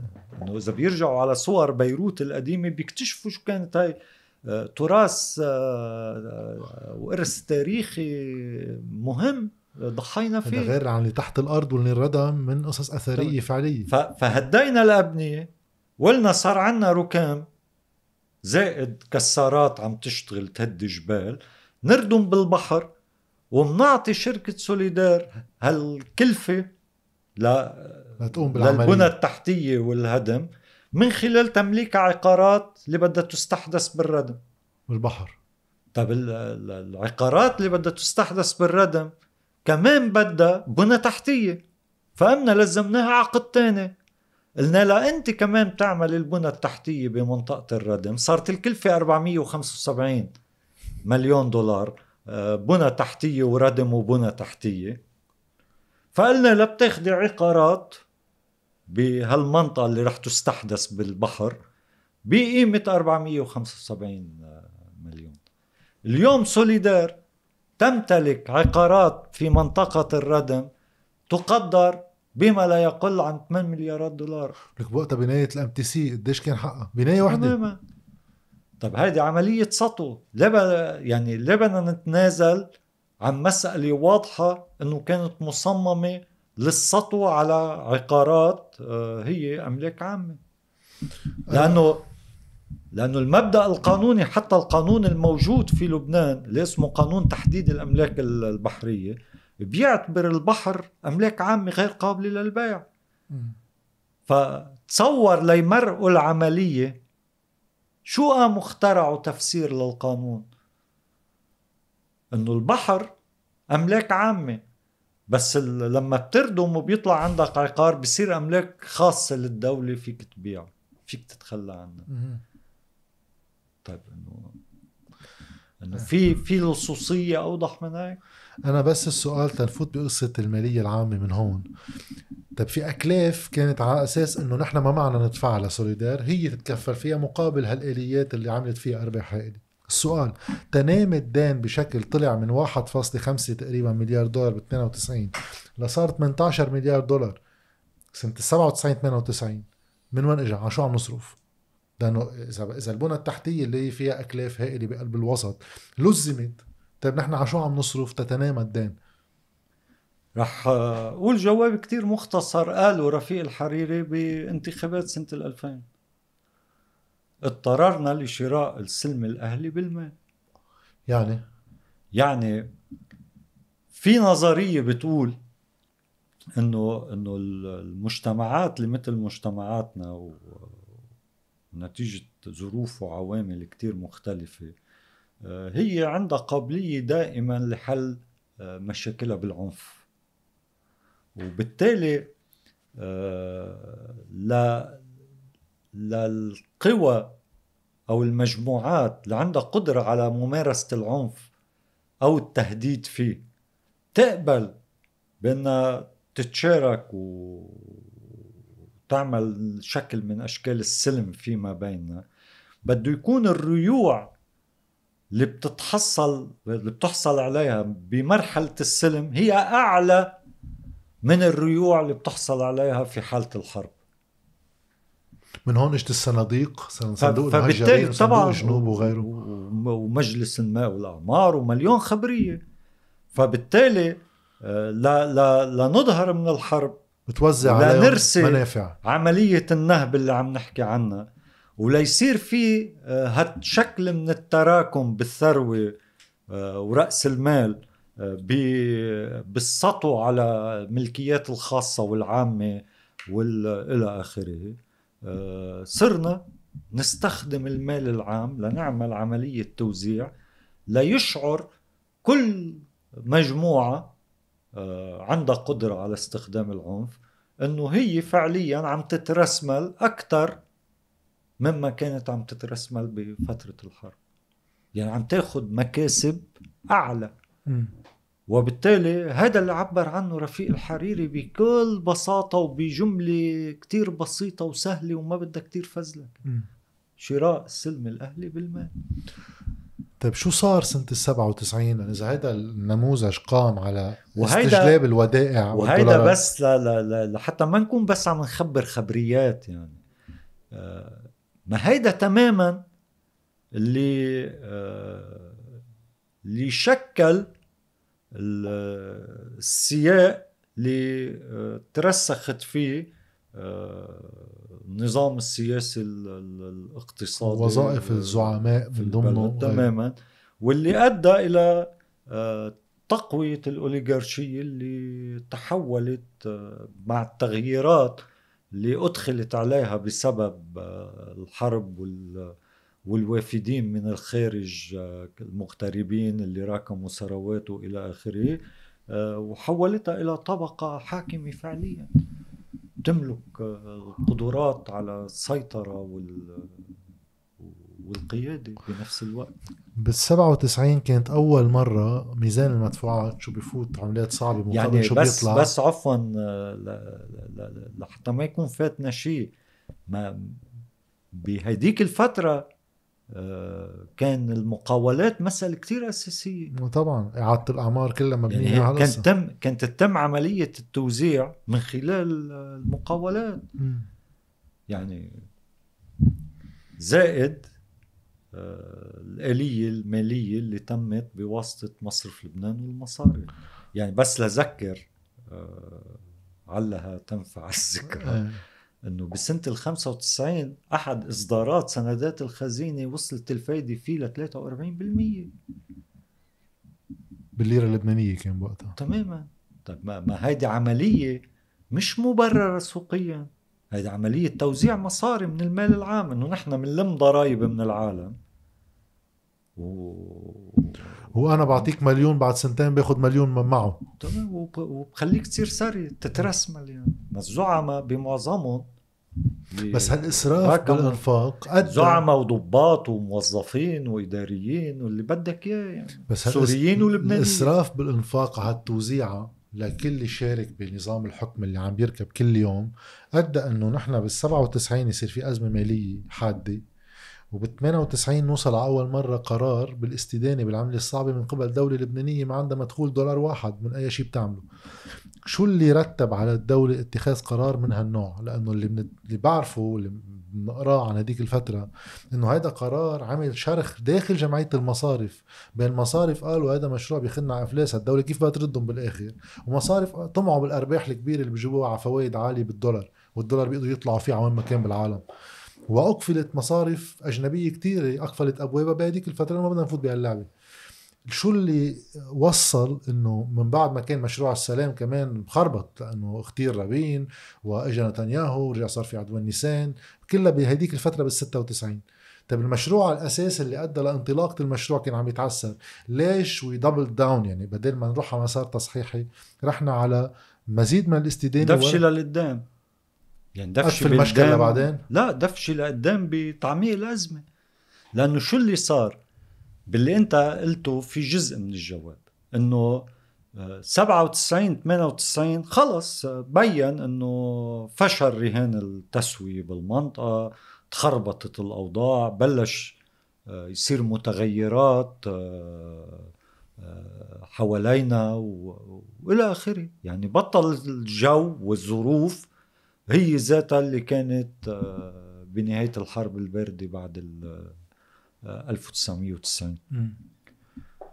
بس بهاي الفترة لل 97 كان في ثلاث شغلات مرتبطين باللي عددناهم كانوا عم بيصيروا واحد سياسة مالية توسعية وكان وقتها تبريرها إنه بلد ظاهر من الحرب و... وبده ينفق صعب. تماما ويعمل اوتوسترادات وانفاق ومطار وكهرباء وإلى آخره. هو بحاجة لكتير قصص. و... وكانت ال- الانتقادات لرفيق الحريري بذاك الوقت انه إنه كل شوي يقدم لائحة مشاريع بمليارات الدولارات آه، كله كما- بالدين كما لو إنك أنت بلد آه، عنده ثروة نفطية و... وقادر إنه يعني ما كان في تواضع بال طبعا هذا كله ثلاث أرباعه ما تنفذ. كان كان لائحة مشاريع وتتقدم خطة الألفين ومشاريع باكتل إيه. وبالعشرات يعني. باكتل قبل ماكنزي يعني. كان آه. عامل خطة. وكله لائحة آه، مشاريع هالقد قدها. وأكلاف يلا مليارات الدولارات. فكان في سياسة مالية توسعية. كان في شيء تاني مهم. مهم هلأ بظروفنا إنه بلد طالع من الحرب آه، بنيته التحتية وال- والمادية مدمرة آه، إنتاجه بالأرض. طبيعي إنه يمرق بفترة معينة آه، يكون في عنده عجز جاري كبير. عجز جاري يعني ميزان ال- العلاقات مع الخارج. يعني بده يستورد آه، آلات بيصدر. وبده يستورد مواد آه، أولية وبده يستورد سلع ليستهلكها وبده يستورد سيارات وكل كل شيء. شيء. فبالتالي معتاد أو متوقع ببلد ظاهر من الحرب أنه يمرق بفترة عنده عجز آه، جاري كبير وبحاجة ليموله.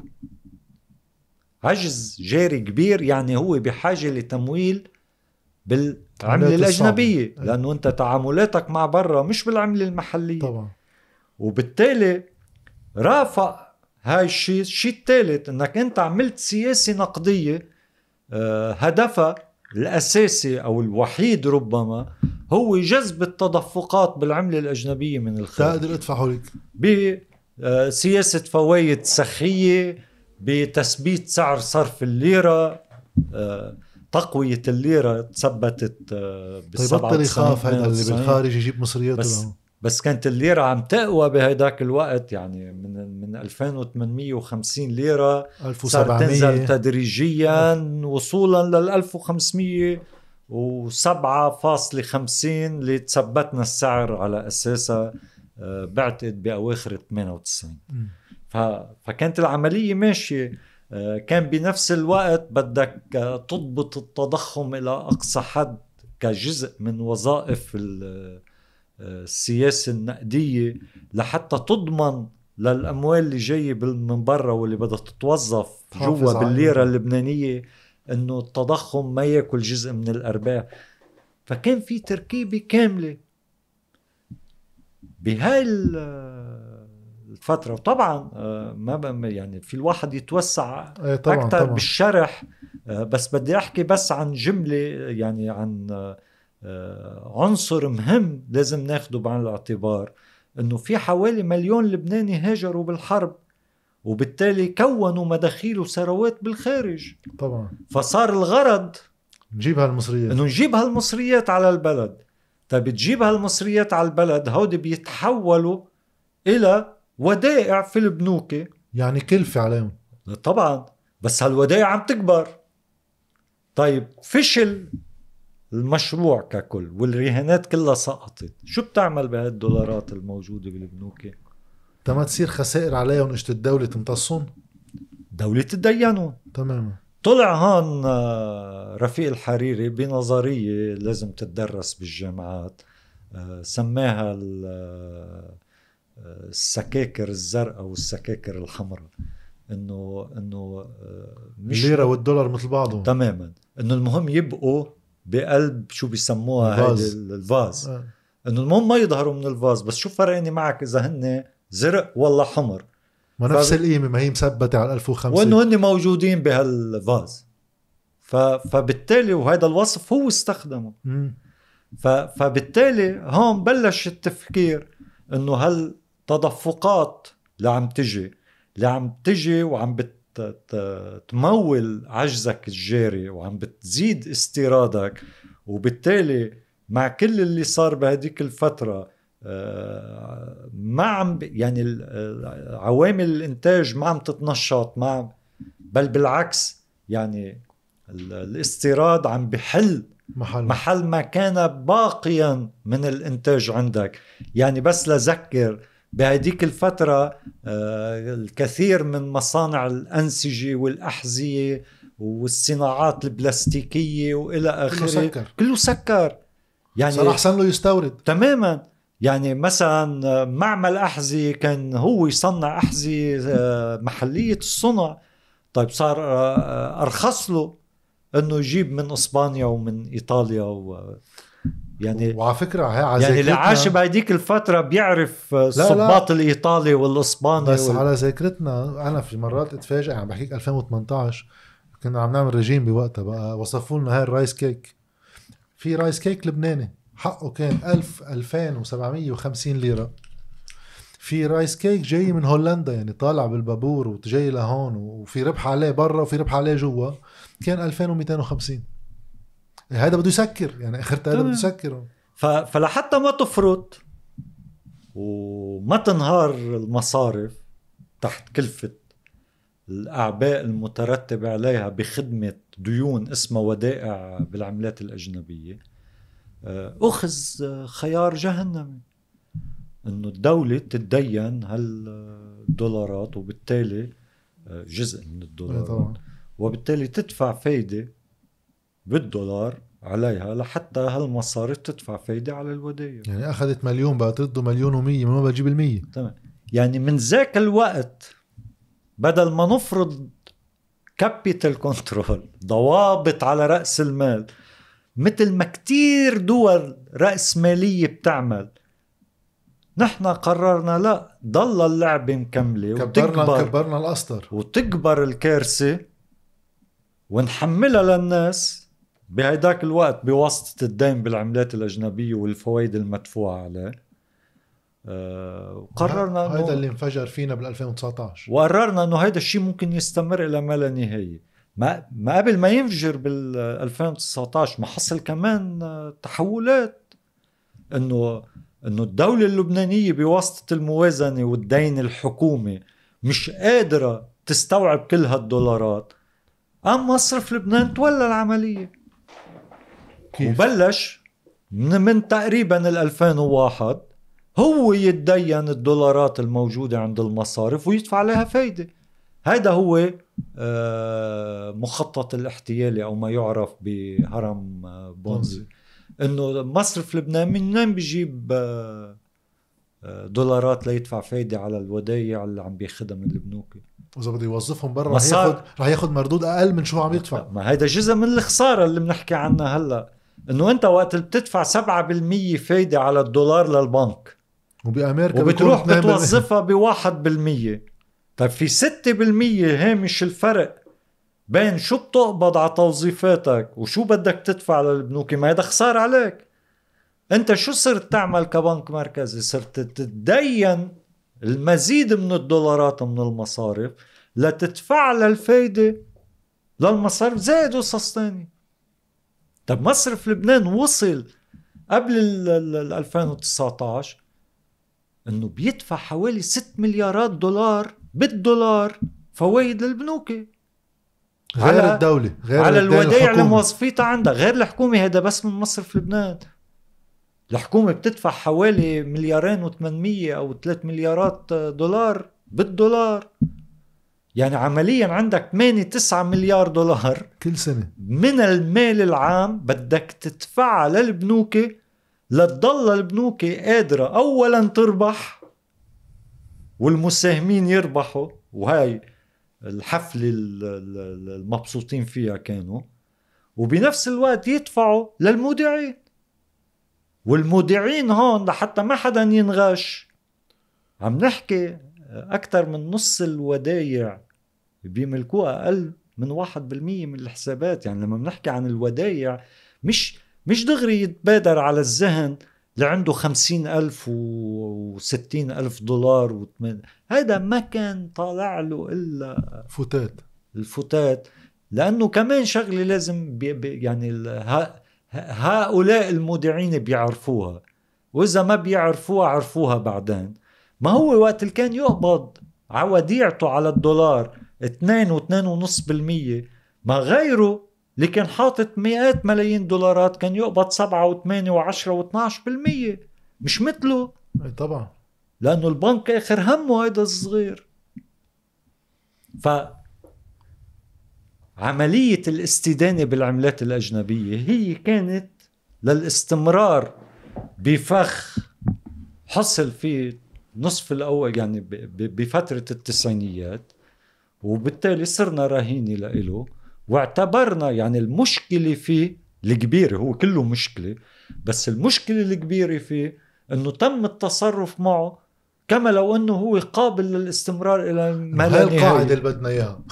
بس هو بالواقع لا يمكن لأي عقل لأي عقل شو ما كان وكيف ما كان بيفكر ولأي مدارس نظرية ولا اي هيك إنه بس يطلع على هاي الخبرية يفترض إنه هيدي بتكمل.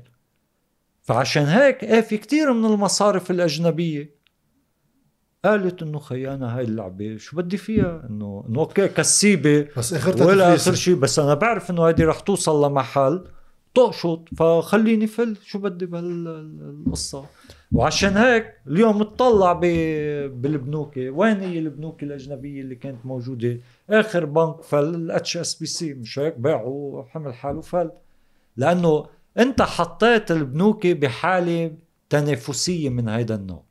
إنه يا بتقبل بهاي اللعبة وبتكسب وأنت كمساهم كصاحب بنك بتزداد ثروتك بتزداد بشكل خيالي يا إذا ما فتت بهاي اللعبة ما فيك تشتغل هون تحمل حالك وبتفل. إيه لأنه فعليا رح تصير لأنه الودايع اللي عندك رح تروح عند اللي بيدفع الفايده في بنك عم يعطي فايدة ب 2% وبنك عم يعطيه 7 بده يروحوا زبونات من هون لهون. تماما. طيب. بس هيدا بس هيدا كمان إنه إنه بياخذ وقت كتير الحكي فيه. ما هيدا انعكس على نظام الائتمان وعلى التسليف وعلى 100 قصه نحن بننسى إنه كانت الفايدة على التسليف آه، معوقة. للنمو الاقتصادي وللاستثمار يعني عم يفتح شغل وبده يدفع وبالتالي شوي شوي صار البنك المركزي متحكم آه، بكل المفاصل لأنه هو بيقرر كيف بيدعم الفوائد على القروض وهو بيقرر وين بتتوظف ومين بيستفيد منها. وبالتالي آه هون بترجع بتكتشف الأوليغارشية الموجودة إنه مين استفاد من هيدي القروض. نحن بنحكي عن التركز بالودائع مش هيك؟ إنه أقل من واحد بالمية عندهم أكثر من نص الودائع. بالتسليفات آه تركز أكبر. صفر فاصلة اثنين بالمية عندهم أكثر من 50% من التسليفات. م. يعني عمليا التسليفات الكبيرة موزعة على عدد محدود من الناس. لهلأ بالانهيار بيدفعون على 1005 وبيعملوا تصفية على حساباتهم. هودي هون الأول ناس كسبوا بالانهيار. يعني كسبوا بطلوع وبالنزلة راحت عليهم الأكلاف عم يدفعوا بمشي بس أنا سؤالي وهي كان وهي لأنه كمان منيح الواحد يمرقها الناس مش بالضرورة لا دارسين اقتصاد ولا بيعرفوا العمل المصرفي ولا إلى آخره. ما في استثمار بيتمول مثل ما بيفكروا الناس إنه أنا بجيبتي 100 مليون دولار بروح بروح, بروح بفتح فيهم مصنع. الاستثمار بيتم تمويله بواسطة نظام الائتمان. اللي هو الديون. تماما تسليفات وبالتالي وقت المؤسسة ما مثل البنك المركزي هي التي تتحكم بعملية التسليف ومين بياخد ومين لا. فهي بتكون عم تلعب دور الأساسي بتكوين كل ما نعتبره يشكل هذا الاجتماع اللبناني. بس هون تعاطي بس شغلة باللي عم تقوله وقت المصرف المركزي عنده القدرة لدعم بعض التسليفات مثل الإسكان والتوزيع فهذا الصفر فاصل اثنين اللي عم تحكي عنه بياخد ب 3% حتى كان في أفراد ناس تعملها. تاخد أكثر من ما بيطلع لها. وتروح تحط الباقي بالبنك وتاخد فايدة أعلى لأنه عم تدفع فايدة قليلة هونيك. فواحد في يتخيل على الشركات العقارية شو كانت عم تعمل. فهيدي كمان من الوسائل لتوزيع الثروات وخلق المضاربات. تمام. وهي بس على فكرة مش مش بس اسكان يعني في جزء مهم من دعم الفوائد على التسليفات. هي لل- للاستثمار ل- للمشاريع. يعني انت إذا بتطلع على كبار آه، المستلفين المقترضين آه، اللي استفادوا من دعم ال- آه، القروض دعم الفوائد يعني الم- نحن كمكلفين بالضريبة عم ندفع فايدة عنهم آه، حاعطيك مثال ايشتي مثلا. واحد من أكبر المقترضين. مقترض. ال ABC ABC اللي اللي طبعا هلأ في كتير ناس آه، بحبوا ال ABC بحبوا المول يعني. آه. بس إنه كتير لازم يعرفوا المول بدمر آه، محيطه آه، الأسواق التجارية تماماً. لأنه بيجي بياكلها تماما. أساسا بالدول اللي نحن بنسافر عليها وقت واحد يروح على فرنسا في محلات مخصصة للمولات تبتعد عن الأسواق التجارية وبتروح لها بالترين خصوصي لأنه بدهم يبعدوا الأسواق التجارية. نحن يعني بين جوني لحدية الدورة في ثلاث مولات كبار يعني بظرف ولو- استمرت كان في سبع مشاريع. إيه. بس آه، الأزمة منعت الازدهار. اطاحت هالمشاريع كلها. عم نحكي الازمه ببداياتها من إيه. من ال 2011 بس أنا بسألك سؤال إذا- تفصيلي. اذا بترجع لل 2010 وبتشوف كمية المشاريع المولات اللي كانت مطروحة إنها تنعمل بالبلد شيء فظيع يعني. إيه طبعا. بس خليني أرجع بس سؤال اعتراضي عن ال 98 لأن سألتك بالأول من كانوا المعترضين؟ بنعرف على الصعيد النيابي في أفراد وعملوا هيك تكتلات صغيرة. في نجاح وكيم في زاهر الخطيب في حسين الحسيني في آه، بطرس حرب نسيب لحود. عم نحكي ببعض السياسات المالية. نايلة معوض. نايلة معوض كانت بوقتها معارضة. طب ليش وقت اجت حكومة سليم الحص ب 98 ما عملت المسار التصحيحي وال capital control اللي عم تحكي عنه راحت على شيء تقشف في الإنفاق الحكومي واللي هو أدى إنه يرجع رفيق الحريري يحملها مسؤولية التقشف وانعكاساته الانكماشيه شوي على الاقتصاد، ليش ما اتخذ بوقتها قرارات أكثر جذرية؟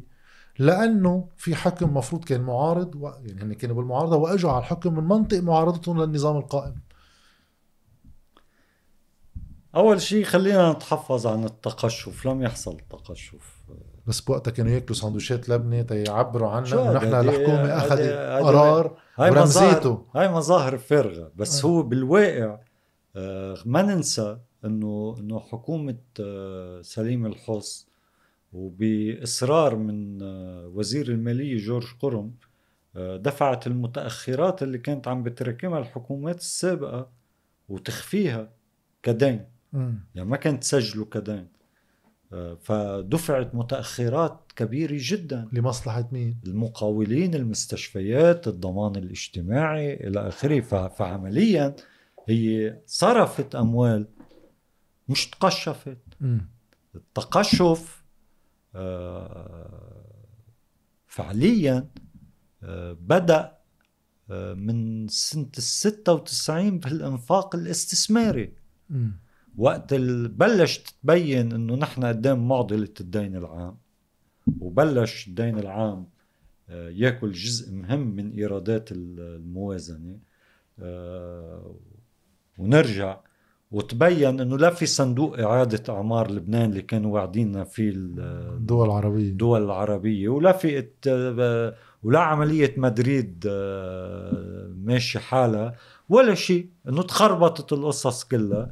فبكل بساطة قررنا نجمد الأجور من ذاك الوقت ونجمد الاستثمار في البنى التحتية الضرورية. اللي كنا متعاقدين عليه ضلينا عم ننفذه وماش عملنا عقود جديدة. يعني الكهرباء مشكلتها من هيداك الوقت.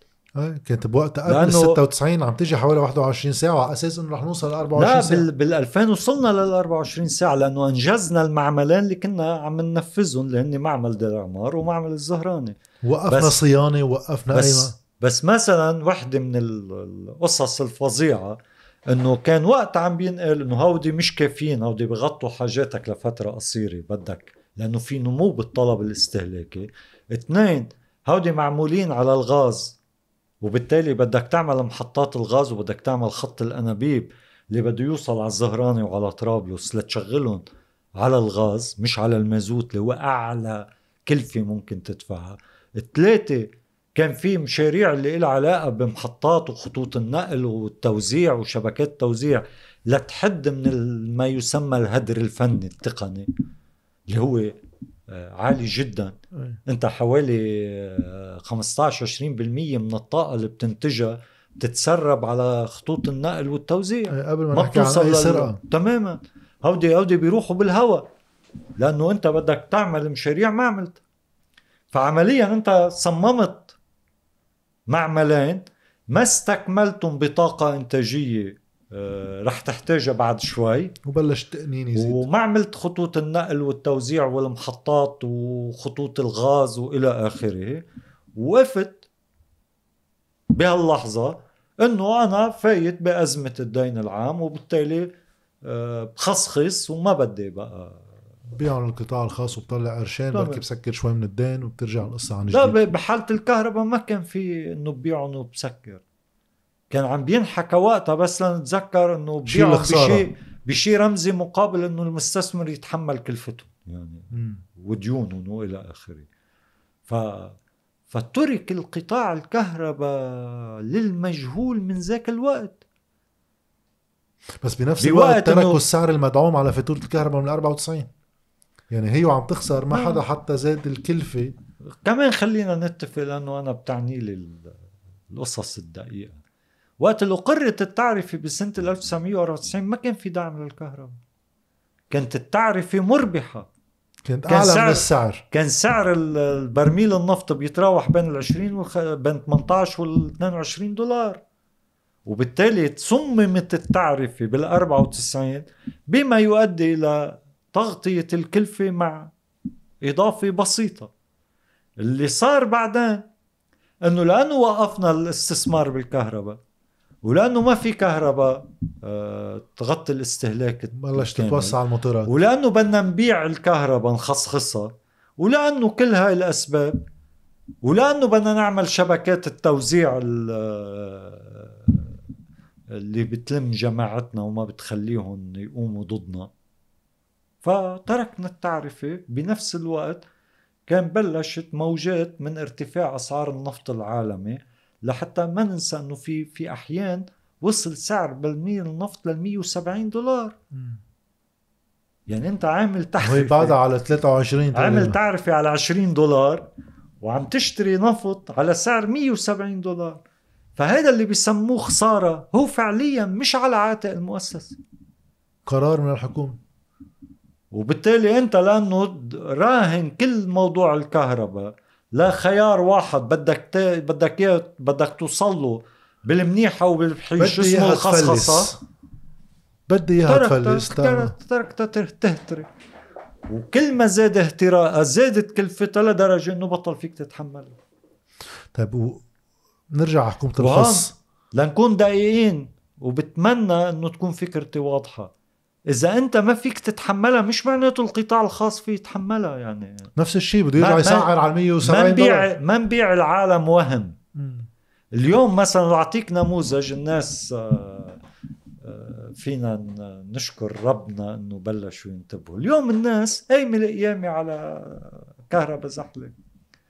هلأ اكتشفوا العالم. هيك كانت تاخذ منك شو هيدي كانت تاخذ كهرباء لبنان وتبيعنا إياه. أغلى. وتعمل تماما أرباح. تعمل أرباح. فعشو كانوا قاعدين يبيعونا إنه هيدا نموذج آه، فظيع وما بعرف شو. وهي هلأ عندهم تقنين وكل شوي بيطلع لك نكد إنه ساعة المسؤولية على مؤسسة كهرباء لبنان وساعة على بياعين المازوت. مع الأساس أنت نموذج آه، بدك تعممه بالبلد كله. إنه أنت حلات الكهرباء. هلأ الزحلوية اكتشفوا إنه كانوا هن مثل بقية اللبنانية. أنا ببيتي باخد من موتور صغير بالحي. هن عم بياخدوا من موتور كبير بتملكوا. شركة عندها امتياز اسمها ز- زحلة.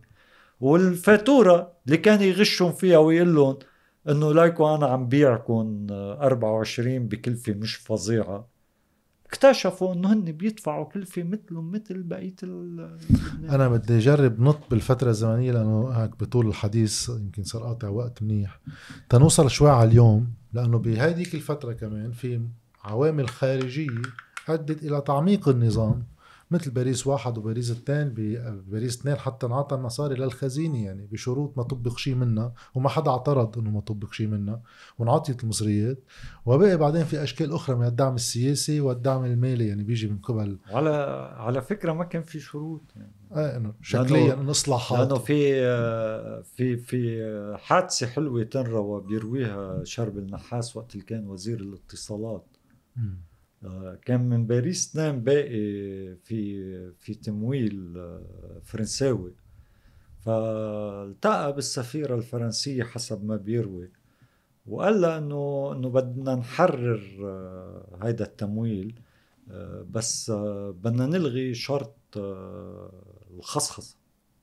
ما هو كان في شرط تحرير قطاع الاتصالات وإنشاء آه، ليبون تيليكوم وبيع 40% منها وبيع رخص الخلية وإلى آخره.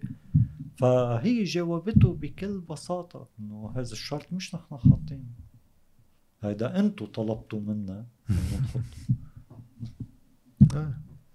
أنا ليش عم بقى هيدا صار بين وزير الاتصالات والسفيرة الفرنسية. حكي صريح وواضح. طيب الأزمة اللي نحن اليوم عم نمرق فيها في لك حديث. فهيدا بس لاقول لك إنه إيه كان في دعم لاستمرارية النظام. آه، غير مشروط. بس اليوم الحديث وإنه غير العوامل المالية وبطل حدا عم يحكي بخطة تصحيحية خطة تتعامل مع الخسائر الموجودة وتحميلها لمن انتفعوا وحكيت عنهم باستفاضة خلال كل السنوات الماضية. من المودعين الكبار للمساهمين بالمصارف للسلطه والمحتكرين والسلطة السياسية اللي كمان استفاد من هذا النظام والمقاولين. والمقاولين. عم بيروح الحديث على انتبه لأن الأداة الكبيرة زائد المصرفيين بايد النظام. بتشغيل النظام. بس اليوم في حديث عم يجي يقول إنه هذه الأزمة صحيح فيها هيدي العوامل ولكن ما كانت لتقع لولا الضغوط الخارجية والحصار اللي عم يتعرض له لبنان. وبنصير هون أمام معضلة. في مواجهة إقليمية واضحة معالمها بين أفريقيا وفي ضغوط أمريكية وغير أمريكية عم تمارس على حزب الله وعلى غير أطراف. بس أساسه حزب الله يعني بس توصل للتيار. الوطني الحر وبتوصل لبعض الشخصيات الأخرى. ولكن هالوقائع اللي عم تسردها من التسعينيات بتوضح إنه هذه الأزمة ما كان في مجال إلا إنه توقع. فبنصير نحن كيف في حصار بدنا نصده وبيمشي حالنا. وفي مسار محلي متوقف لا في خطة مالية ولا في خطة اقتصادية ولا في حكومة أصلا. وعلى الحكومة اللي عم ينحكى فيها هي من نفس الأطراف اللي مكونة للأزمة. وبنفس الوقت بدنا نرد الحصار. نحن قدام معادلة مسكرة. شو رأيك بهذا الواقع اللي وصلنا له بآخرة هذا المطاف؟ أنت عم تسألني شو رأيي بسردية الحصار؟ إيه بس بسرديتيها وبالتالي يعني وبالتالي في ناس بتحط الحق على حزب الله المشكل ما بيصير لولا وفي حزب الله بيحط المشكل ما بيصير إلا من وراء الأمريكان. آه إنه أنا دائما بميل لتجاوز السرديات لأنه لها وظائف أيديولوجية وإلى آخره. آه بسياق حديثنا آه هلأ آخر شيء. وصلنا لأنه كنا عم نقول إنه جرى دعم استمرارية الوضع القائم في لبنان آه، من القوى الخارجية بمراحل عدة. يعني الناس آه، كمان تنعج ذاكرتها. ما بالتسعينيات حصل مؤتمر أصدقاء لبنان بواشنطن يعني مش قصة بس طبعا. باريس وإلى آخره. بأحدى المرات فجأة اكتشفنا إنه مهاتير محمد ماليزيا آه، دعمت لبنان إذا مش عم تخونني الذاكرة ب 300 مليون دولار. عم شو خص آه، مهاتير محمد وماليزيا ب هذا كان حكى عن علاقات آه، رفيق الحريري بمهاتير محمد. وعلاقات والأمريكان والفرنسوية والسعودية وقطر حطت ودائع بالبنك المركزي والسعودية والكويت ومش هيك يعني. إنه ما كان دائما لحتى ما يوقع هذا النظام هالتركيبة هالوضع خلينا نسميه الوضع حتى ما يوقع ما يفرط كنا عم نمده بالأكسجين اللي بيخليه واقف على إجره مش هيك؟ نعم. إذا نقصد اليوم بسردية الحصار إنه هالقوى قالت خليه يوقع الله لا يقيمه هذا صحيح مم. وبالتالي نعم هناك واضح متغير كتير كبير آه، من سنوات طويلة. يعني فينا نقول من آه، 2011 لليوم إنه هذا الوضع إذا فرط نحن مش حنتدخل. بطل مهم مع مقارنة أحداث المنطقة والصراع. هذا هذا ما بيعني إنه لم تحصل تدخلات موضوع موضعية في حالات معينة. مم. يعني آه، هالقوى تدخلت لدعم موجه إلى اللاجئين السوريين. ولا كيف نحن تحملنا كل هالكلفه آه، اللي اللي طبعا. اللي ترتبت؟ وهيدا في ظل آه، تراجع آه، الاقتصاد اللبناني شكل أكسجين غير مباشر. فات مليارات الدولارات لدعم. يعني إذا الواحد بده يكون موضوعي ويقيس كلفة اللاجئين السوريين زائد ال- ما حصل عليه البلد من خلال التمويلات للاجئين آه، بتطلع الكفة مش لصالح الكلفة مم.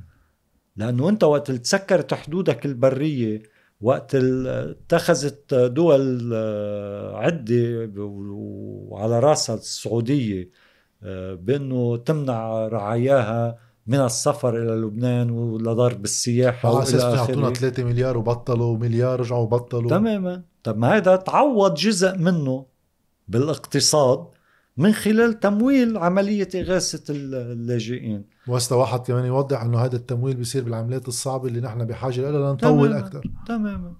يعني في جزء من نظام التعليم على كذا سنة معلش كان كان مدعوم مباشرة بهاي التمويلات. طبعا. تحت عنوان تعليم اللاجئين وإلى آخره. آه، فهون عم بقول حصلت تدخلات آه، موضوعية بس بشكل ولكن عام تراجعت بشكل دائم. ولكن واضح أنه هناك قرار متخذ بعدم التدخل على الطريقة السابقة لإعطاء أكسجين لحتى ما يفرط الوضع بس هل نحن بدنا نسترجع مطلوب- عن نموذج كان مطلوب إذا بدك من خلال قراءة كل هاي المرحلة إنه خلي يوقع الوضع بركي هيدا بيأثر على التوازنات الداخلية وبالتالي يضعف آه، العامل الإيراني ويضعف حزب الله وبالتالي بيحقق مكسب. سواء آه، للسياسات ال- الأمريكية في المنطقة أو آه، للصراع مع إسرائيل وإلى آخره. ما هو إذا بدك السجال الفعلي أو إذا بدك التناقضات والخلافات الفعلية ال- القائمة اليوم شيل السطلنة على جنب لأنه في كلام سطلنة ما بدي جيب سيرته. آه، اللي بيتخذ أشكال من التخوين المتبادل وشي بيقول لك احتلال إيراني وشي بيقول لك الإمبريالية الأمريكية وإلى آخره. شيل هالسردي السرديات ال- المش مبنية على آه، قراءة مادية للواقع. تجنيد للناس ضمن معسكرات تماما. ماني ماني معني بنقاشه آه، السجال الفعلي هو حول مسألتين. اللي أنت عم تسأله؟ هل نريد تجديد هياكل الاستغلال والهيمنة اللي سقطت من خلال الأزمة؟ مصاري؟ وبالتالي اللي عم بيدعي إنه يا بده يتحرر من الاحتلال الإيراني يا بده يتحرر من السياسات الإمبريالية الأمريكية آه، من خلال إعادة إنتاج أدواتها هي ذاتها بالداخل واحد. سؤال. اثنين. طيب إذا فعلا في صراع وصل إلى إلى هذا المستوى من الصدام. مش هلأ اللحظة المناسبة لحتى كل قوة سياسية أو اجتماعية تحدد خياراتها بوضوح سواء كانت بتعتبر إنه هي في حالة تحرر وطني تحرر وطني على المقلبين. إيه.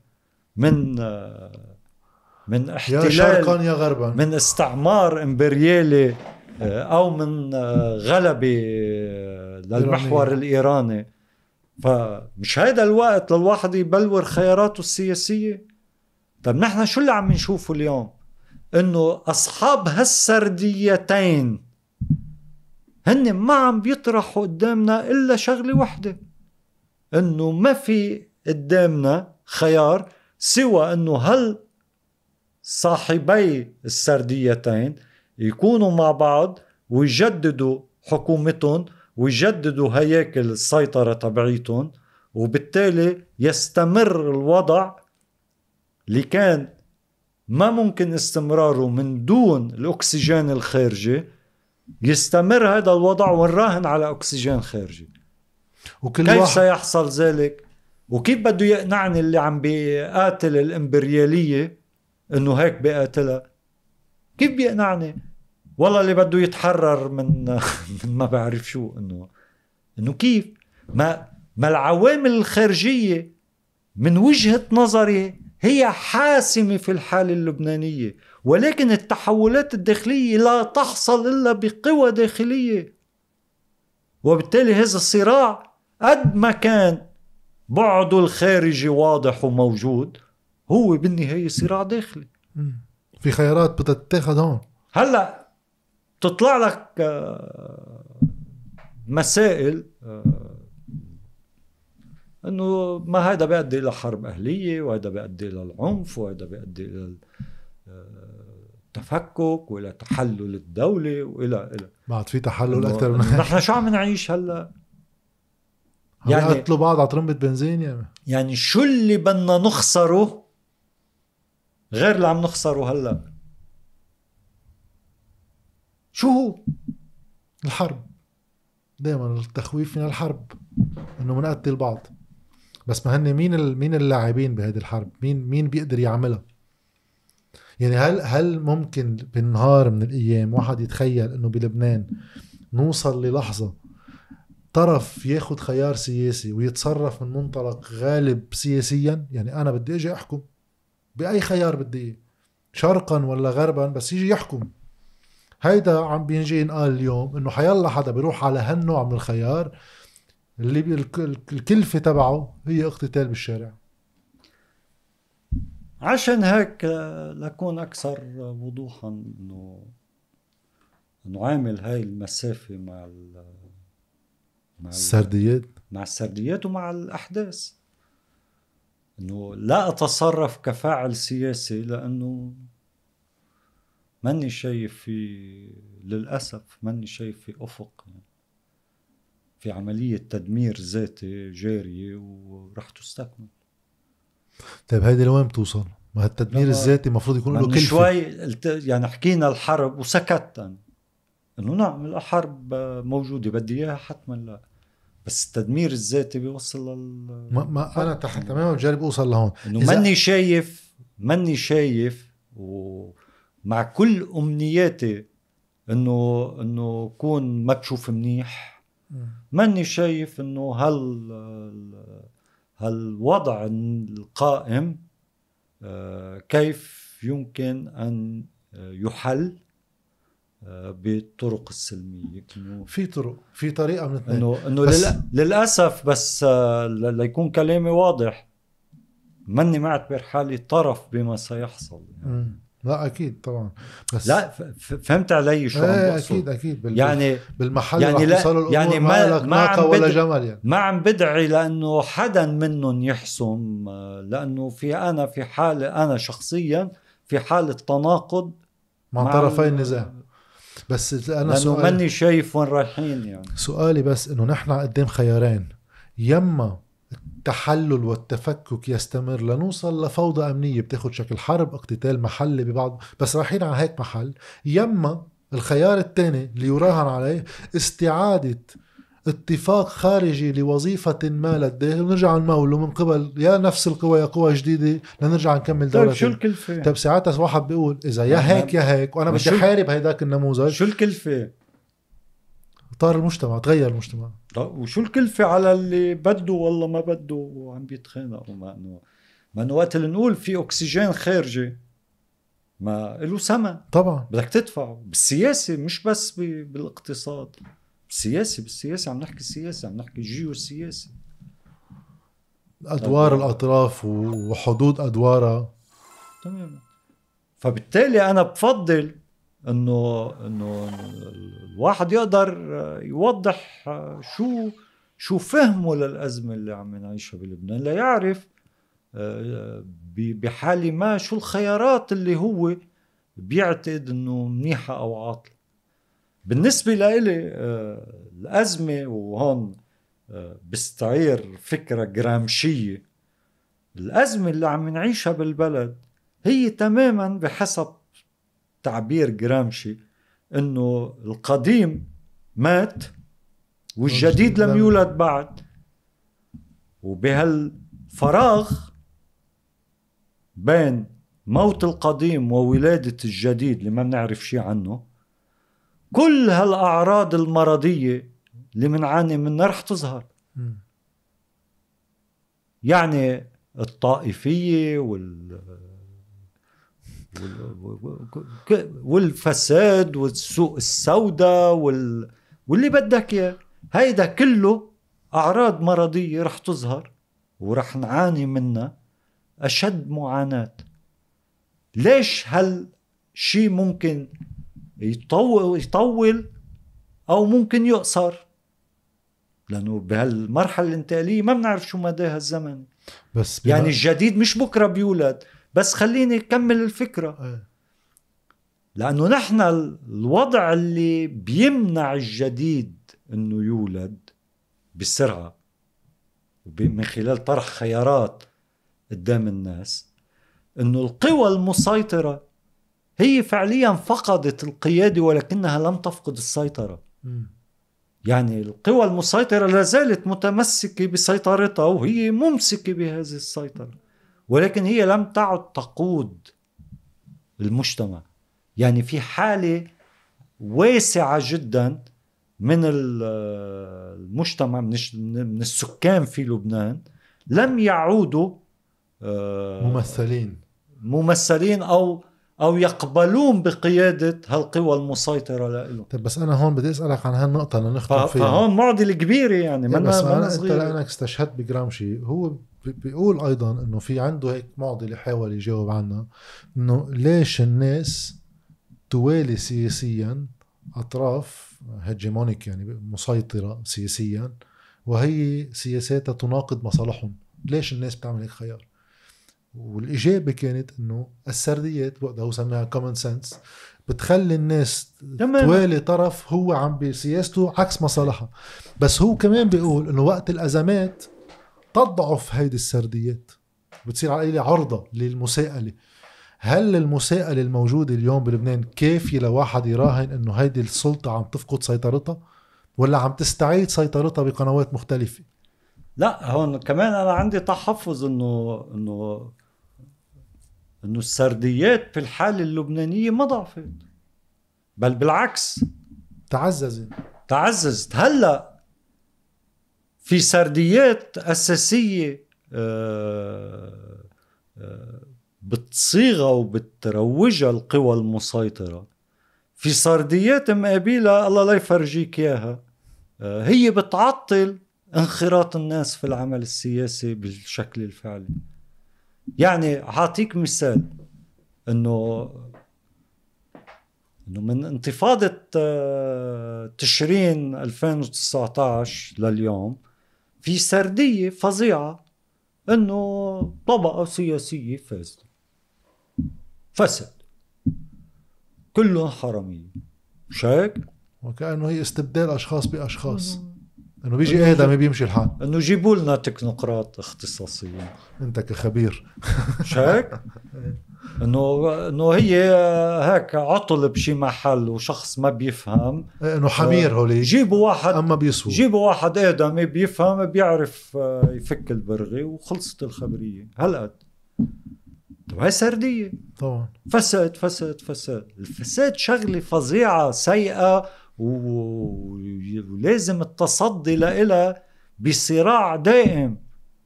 بس الفساد مش هو الجواب على كل شيء. أساسا في طريقة كمان وين هل بدك تغير؟ وين وين يعني إنه ليش حاطين برا آه، كل النقاش حول الدولة حول تراكم رأس المال حول تركز الثروة حول سياسات التوزيع حول حول كل شيء حول العلاقة مع الخارج. إنه أنت مش ملاحظ إنه معظم الناس خارج القوى المسيطرة ما بدهم يقاربوا ولا لحظة مسألة إنه طيب نحن في حالة صراع مع إسرائيل ولا لا؟ مثلا. وموقع الدولة من هالصراع وينه إنه إنه لاحظ لاحظ ببدايات آه، انتفاضة آه، تشرين. إنه مسألة سلاح حزب الله خليها على جنب ما بدنا نحكي فيها مش هيك؟ وبالمقابل انه إنه بمعنى اللي عم بحاول أقوله ما الناس بالعكس في الحالة اللبنانية بتتبنى آه، سردية وبتصير عمليتها مثل هيك خط سير أساسي وما بتحيد عنا بوقت إنه السردية آه، هي وظيفة ايديولوجيه ما بتجاوبك. على الولاء. تمام.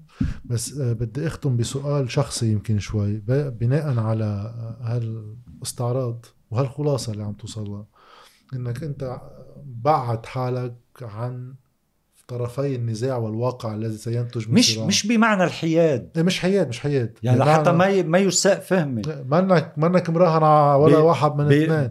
بمعنى الشيء اللي بنواجهه دائما بردود فعل الناس حول كيف بس تعبر عن رأي أو عن موقف وإلى آخره. بدك تنقي بين ثنائيه إنه, كما لو انه انه إنه بمعنى هلأ مش مش حكينا بالسياق عن إنه بلا هناك صراع آه، دولي وإقليمي وصراع مع العدو الإسرائيلي ومتغيرات جيوسياسية بس تعلى نفهم الصراع.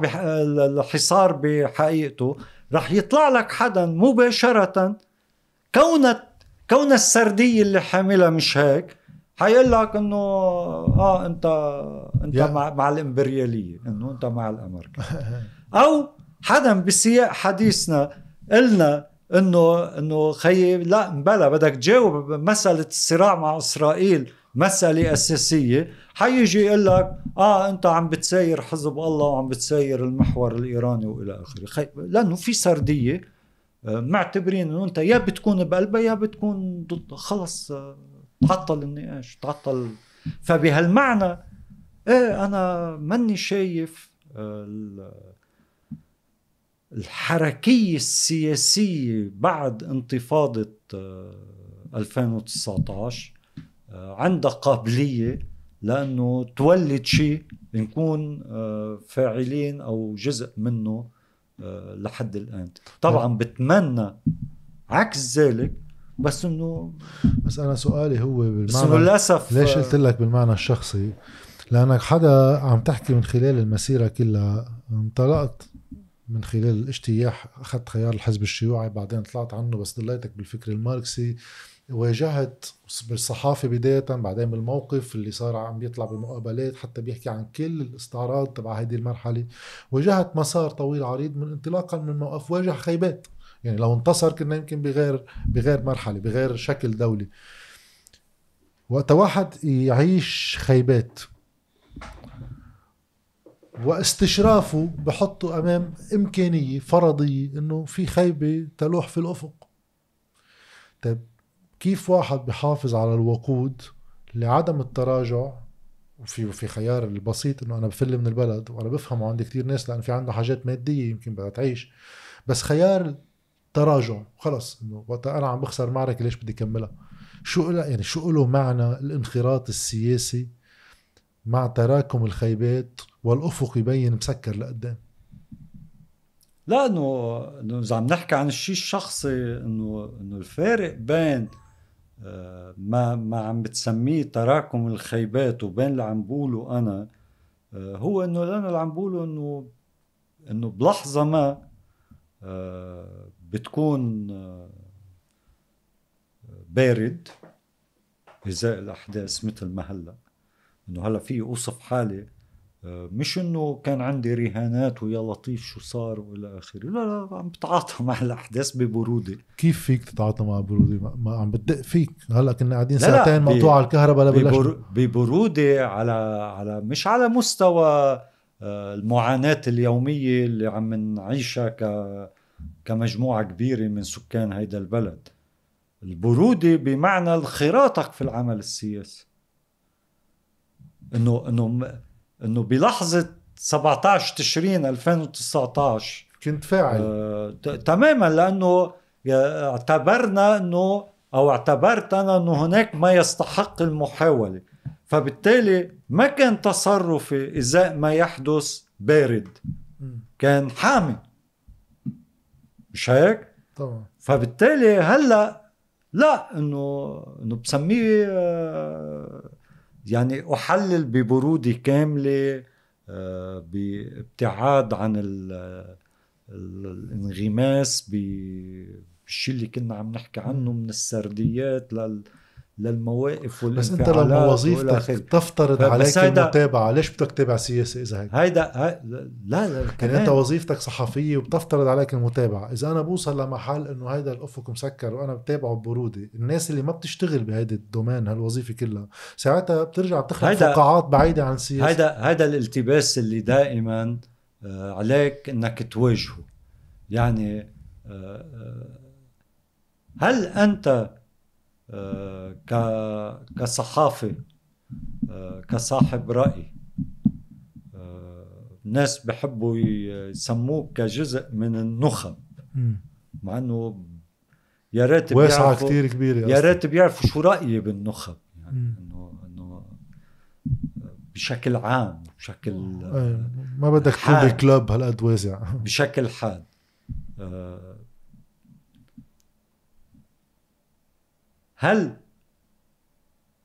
أنت فقط عليك أن تنخرط آه، فيما يقرره الجمهور؟ سؤال. أم أنت عليك أن تبدي رأيك وتحاول تطور مقارباتك؟ أنت وغير منغمس في أتون ما يريده الجمهور. هذا الفرق بين اللاعب السياسي المباشر ف... والصحافي اللي هو مراقب. فعشان هيك دخيلك إذا بتعرف طريقة بعد آه، أولى للناس للناس مش عم بحكي بالمعنى العام للناس اللي آه، ليل هن منهم كتار اللي مفكرين إنه آه، أنت ابدائك لرأي أو موقف أنت عم تلعب دور سياسي ولديك طموح. مثلا أكثر شغلة بتزعجني ويا ريت آه، بيعرفوها الناس المحبين وغير المحبين. آه، هي وقت اللي بيصير آه، بالجد وبالمزح بيقولوا ليش ما بيكون وزير مثلا. إنه إنه إنه ولو بعد ما عرفوا إنه هذا مستحيل مش بس إنه إنه انه النظام ما بيجيبك وزير وأنت لن تنخرط في هذا الدور حتى لو اتيح لك فكيف إذا كان ليس متاحا أصلا؟ بس أنا هون عندي إشكالية وشو المشكل؟ ليش في دائما إنه ما بدي فوت بالسلطة؟ لا لا هون هذا اللي عم بحاول وضحه الناس آه، بتتشعب بتصرفاتها مش هيك؟ في حدا يعتقد وبرافو عليه أنا ما عندي مشكلة معه يعتقد إنه يستطيع أن يلعب هذا الدور. أنت عم تقول أنا ما بدي. وعم بقول لا أستطيع. مم. لا أستطيع. أكثر منه ما بدي. مش مش بس رغبات. أنا ليس دوري آه، هذا الدور. بكل بساطة. أنا دوري كل الوقت عم بحاول وضحه. صحافي حريص على إبداء رأيه لديه مواقف يعبر عنها بكامل حريته وفق ما يراه في الظروف التي يراها صالحه ليقول اللي بده يقول. أنا بدي أنخرط في معارك كسائر المواطنين والمواطنات دفاعا عن آه، حقوق ومصالح آه، أعتبر إنه يا أنا تمسني ك كشخص أو كطبقة اجتماعية أو كشريحة أو أعتبر إنه آه، تمس آخرين ويستحق آه، تستحق هذه القضية أن تناضل في سبيلها. وهذا يقوم فيه مواطنون كثر و... طبعا.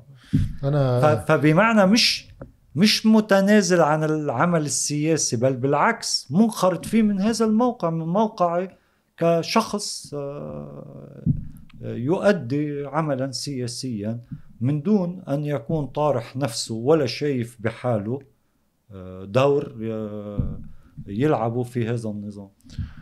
أنا بدي أشكرك كثير كان بعد في مواضيع بدنا نحكيها بالشخصي يعني أساسا بالشق الشخصي بالشيء بالشيء النظري اللي كنا عم نحكي فيه قبل المقابله في الشق النظري هلا في مقابلة عملناها سابقا كمان آه، كلها نظرية كانت. للي بحب هذا الجانب. وأكيد بصير في لقاءات مقبلة.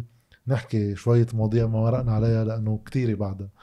وبشكرك على المقابلة وطولنا عليك منيح. شكرا لك جد. وبتمنى أنه يكون في أي إفادة من من هذا الحديث. في كل الإفادة. شكرا.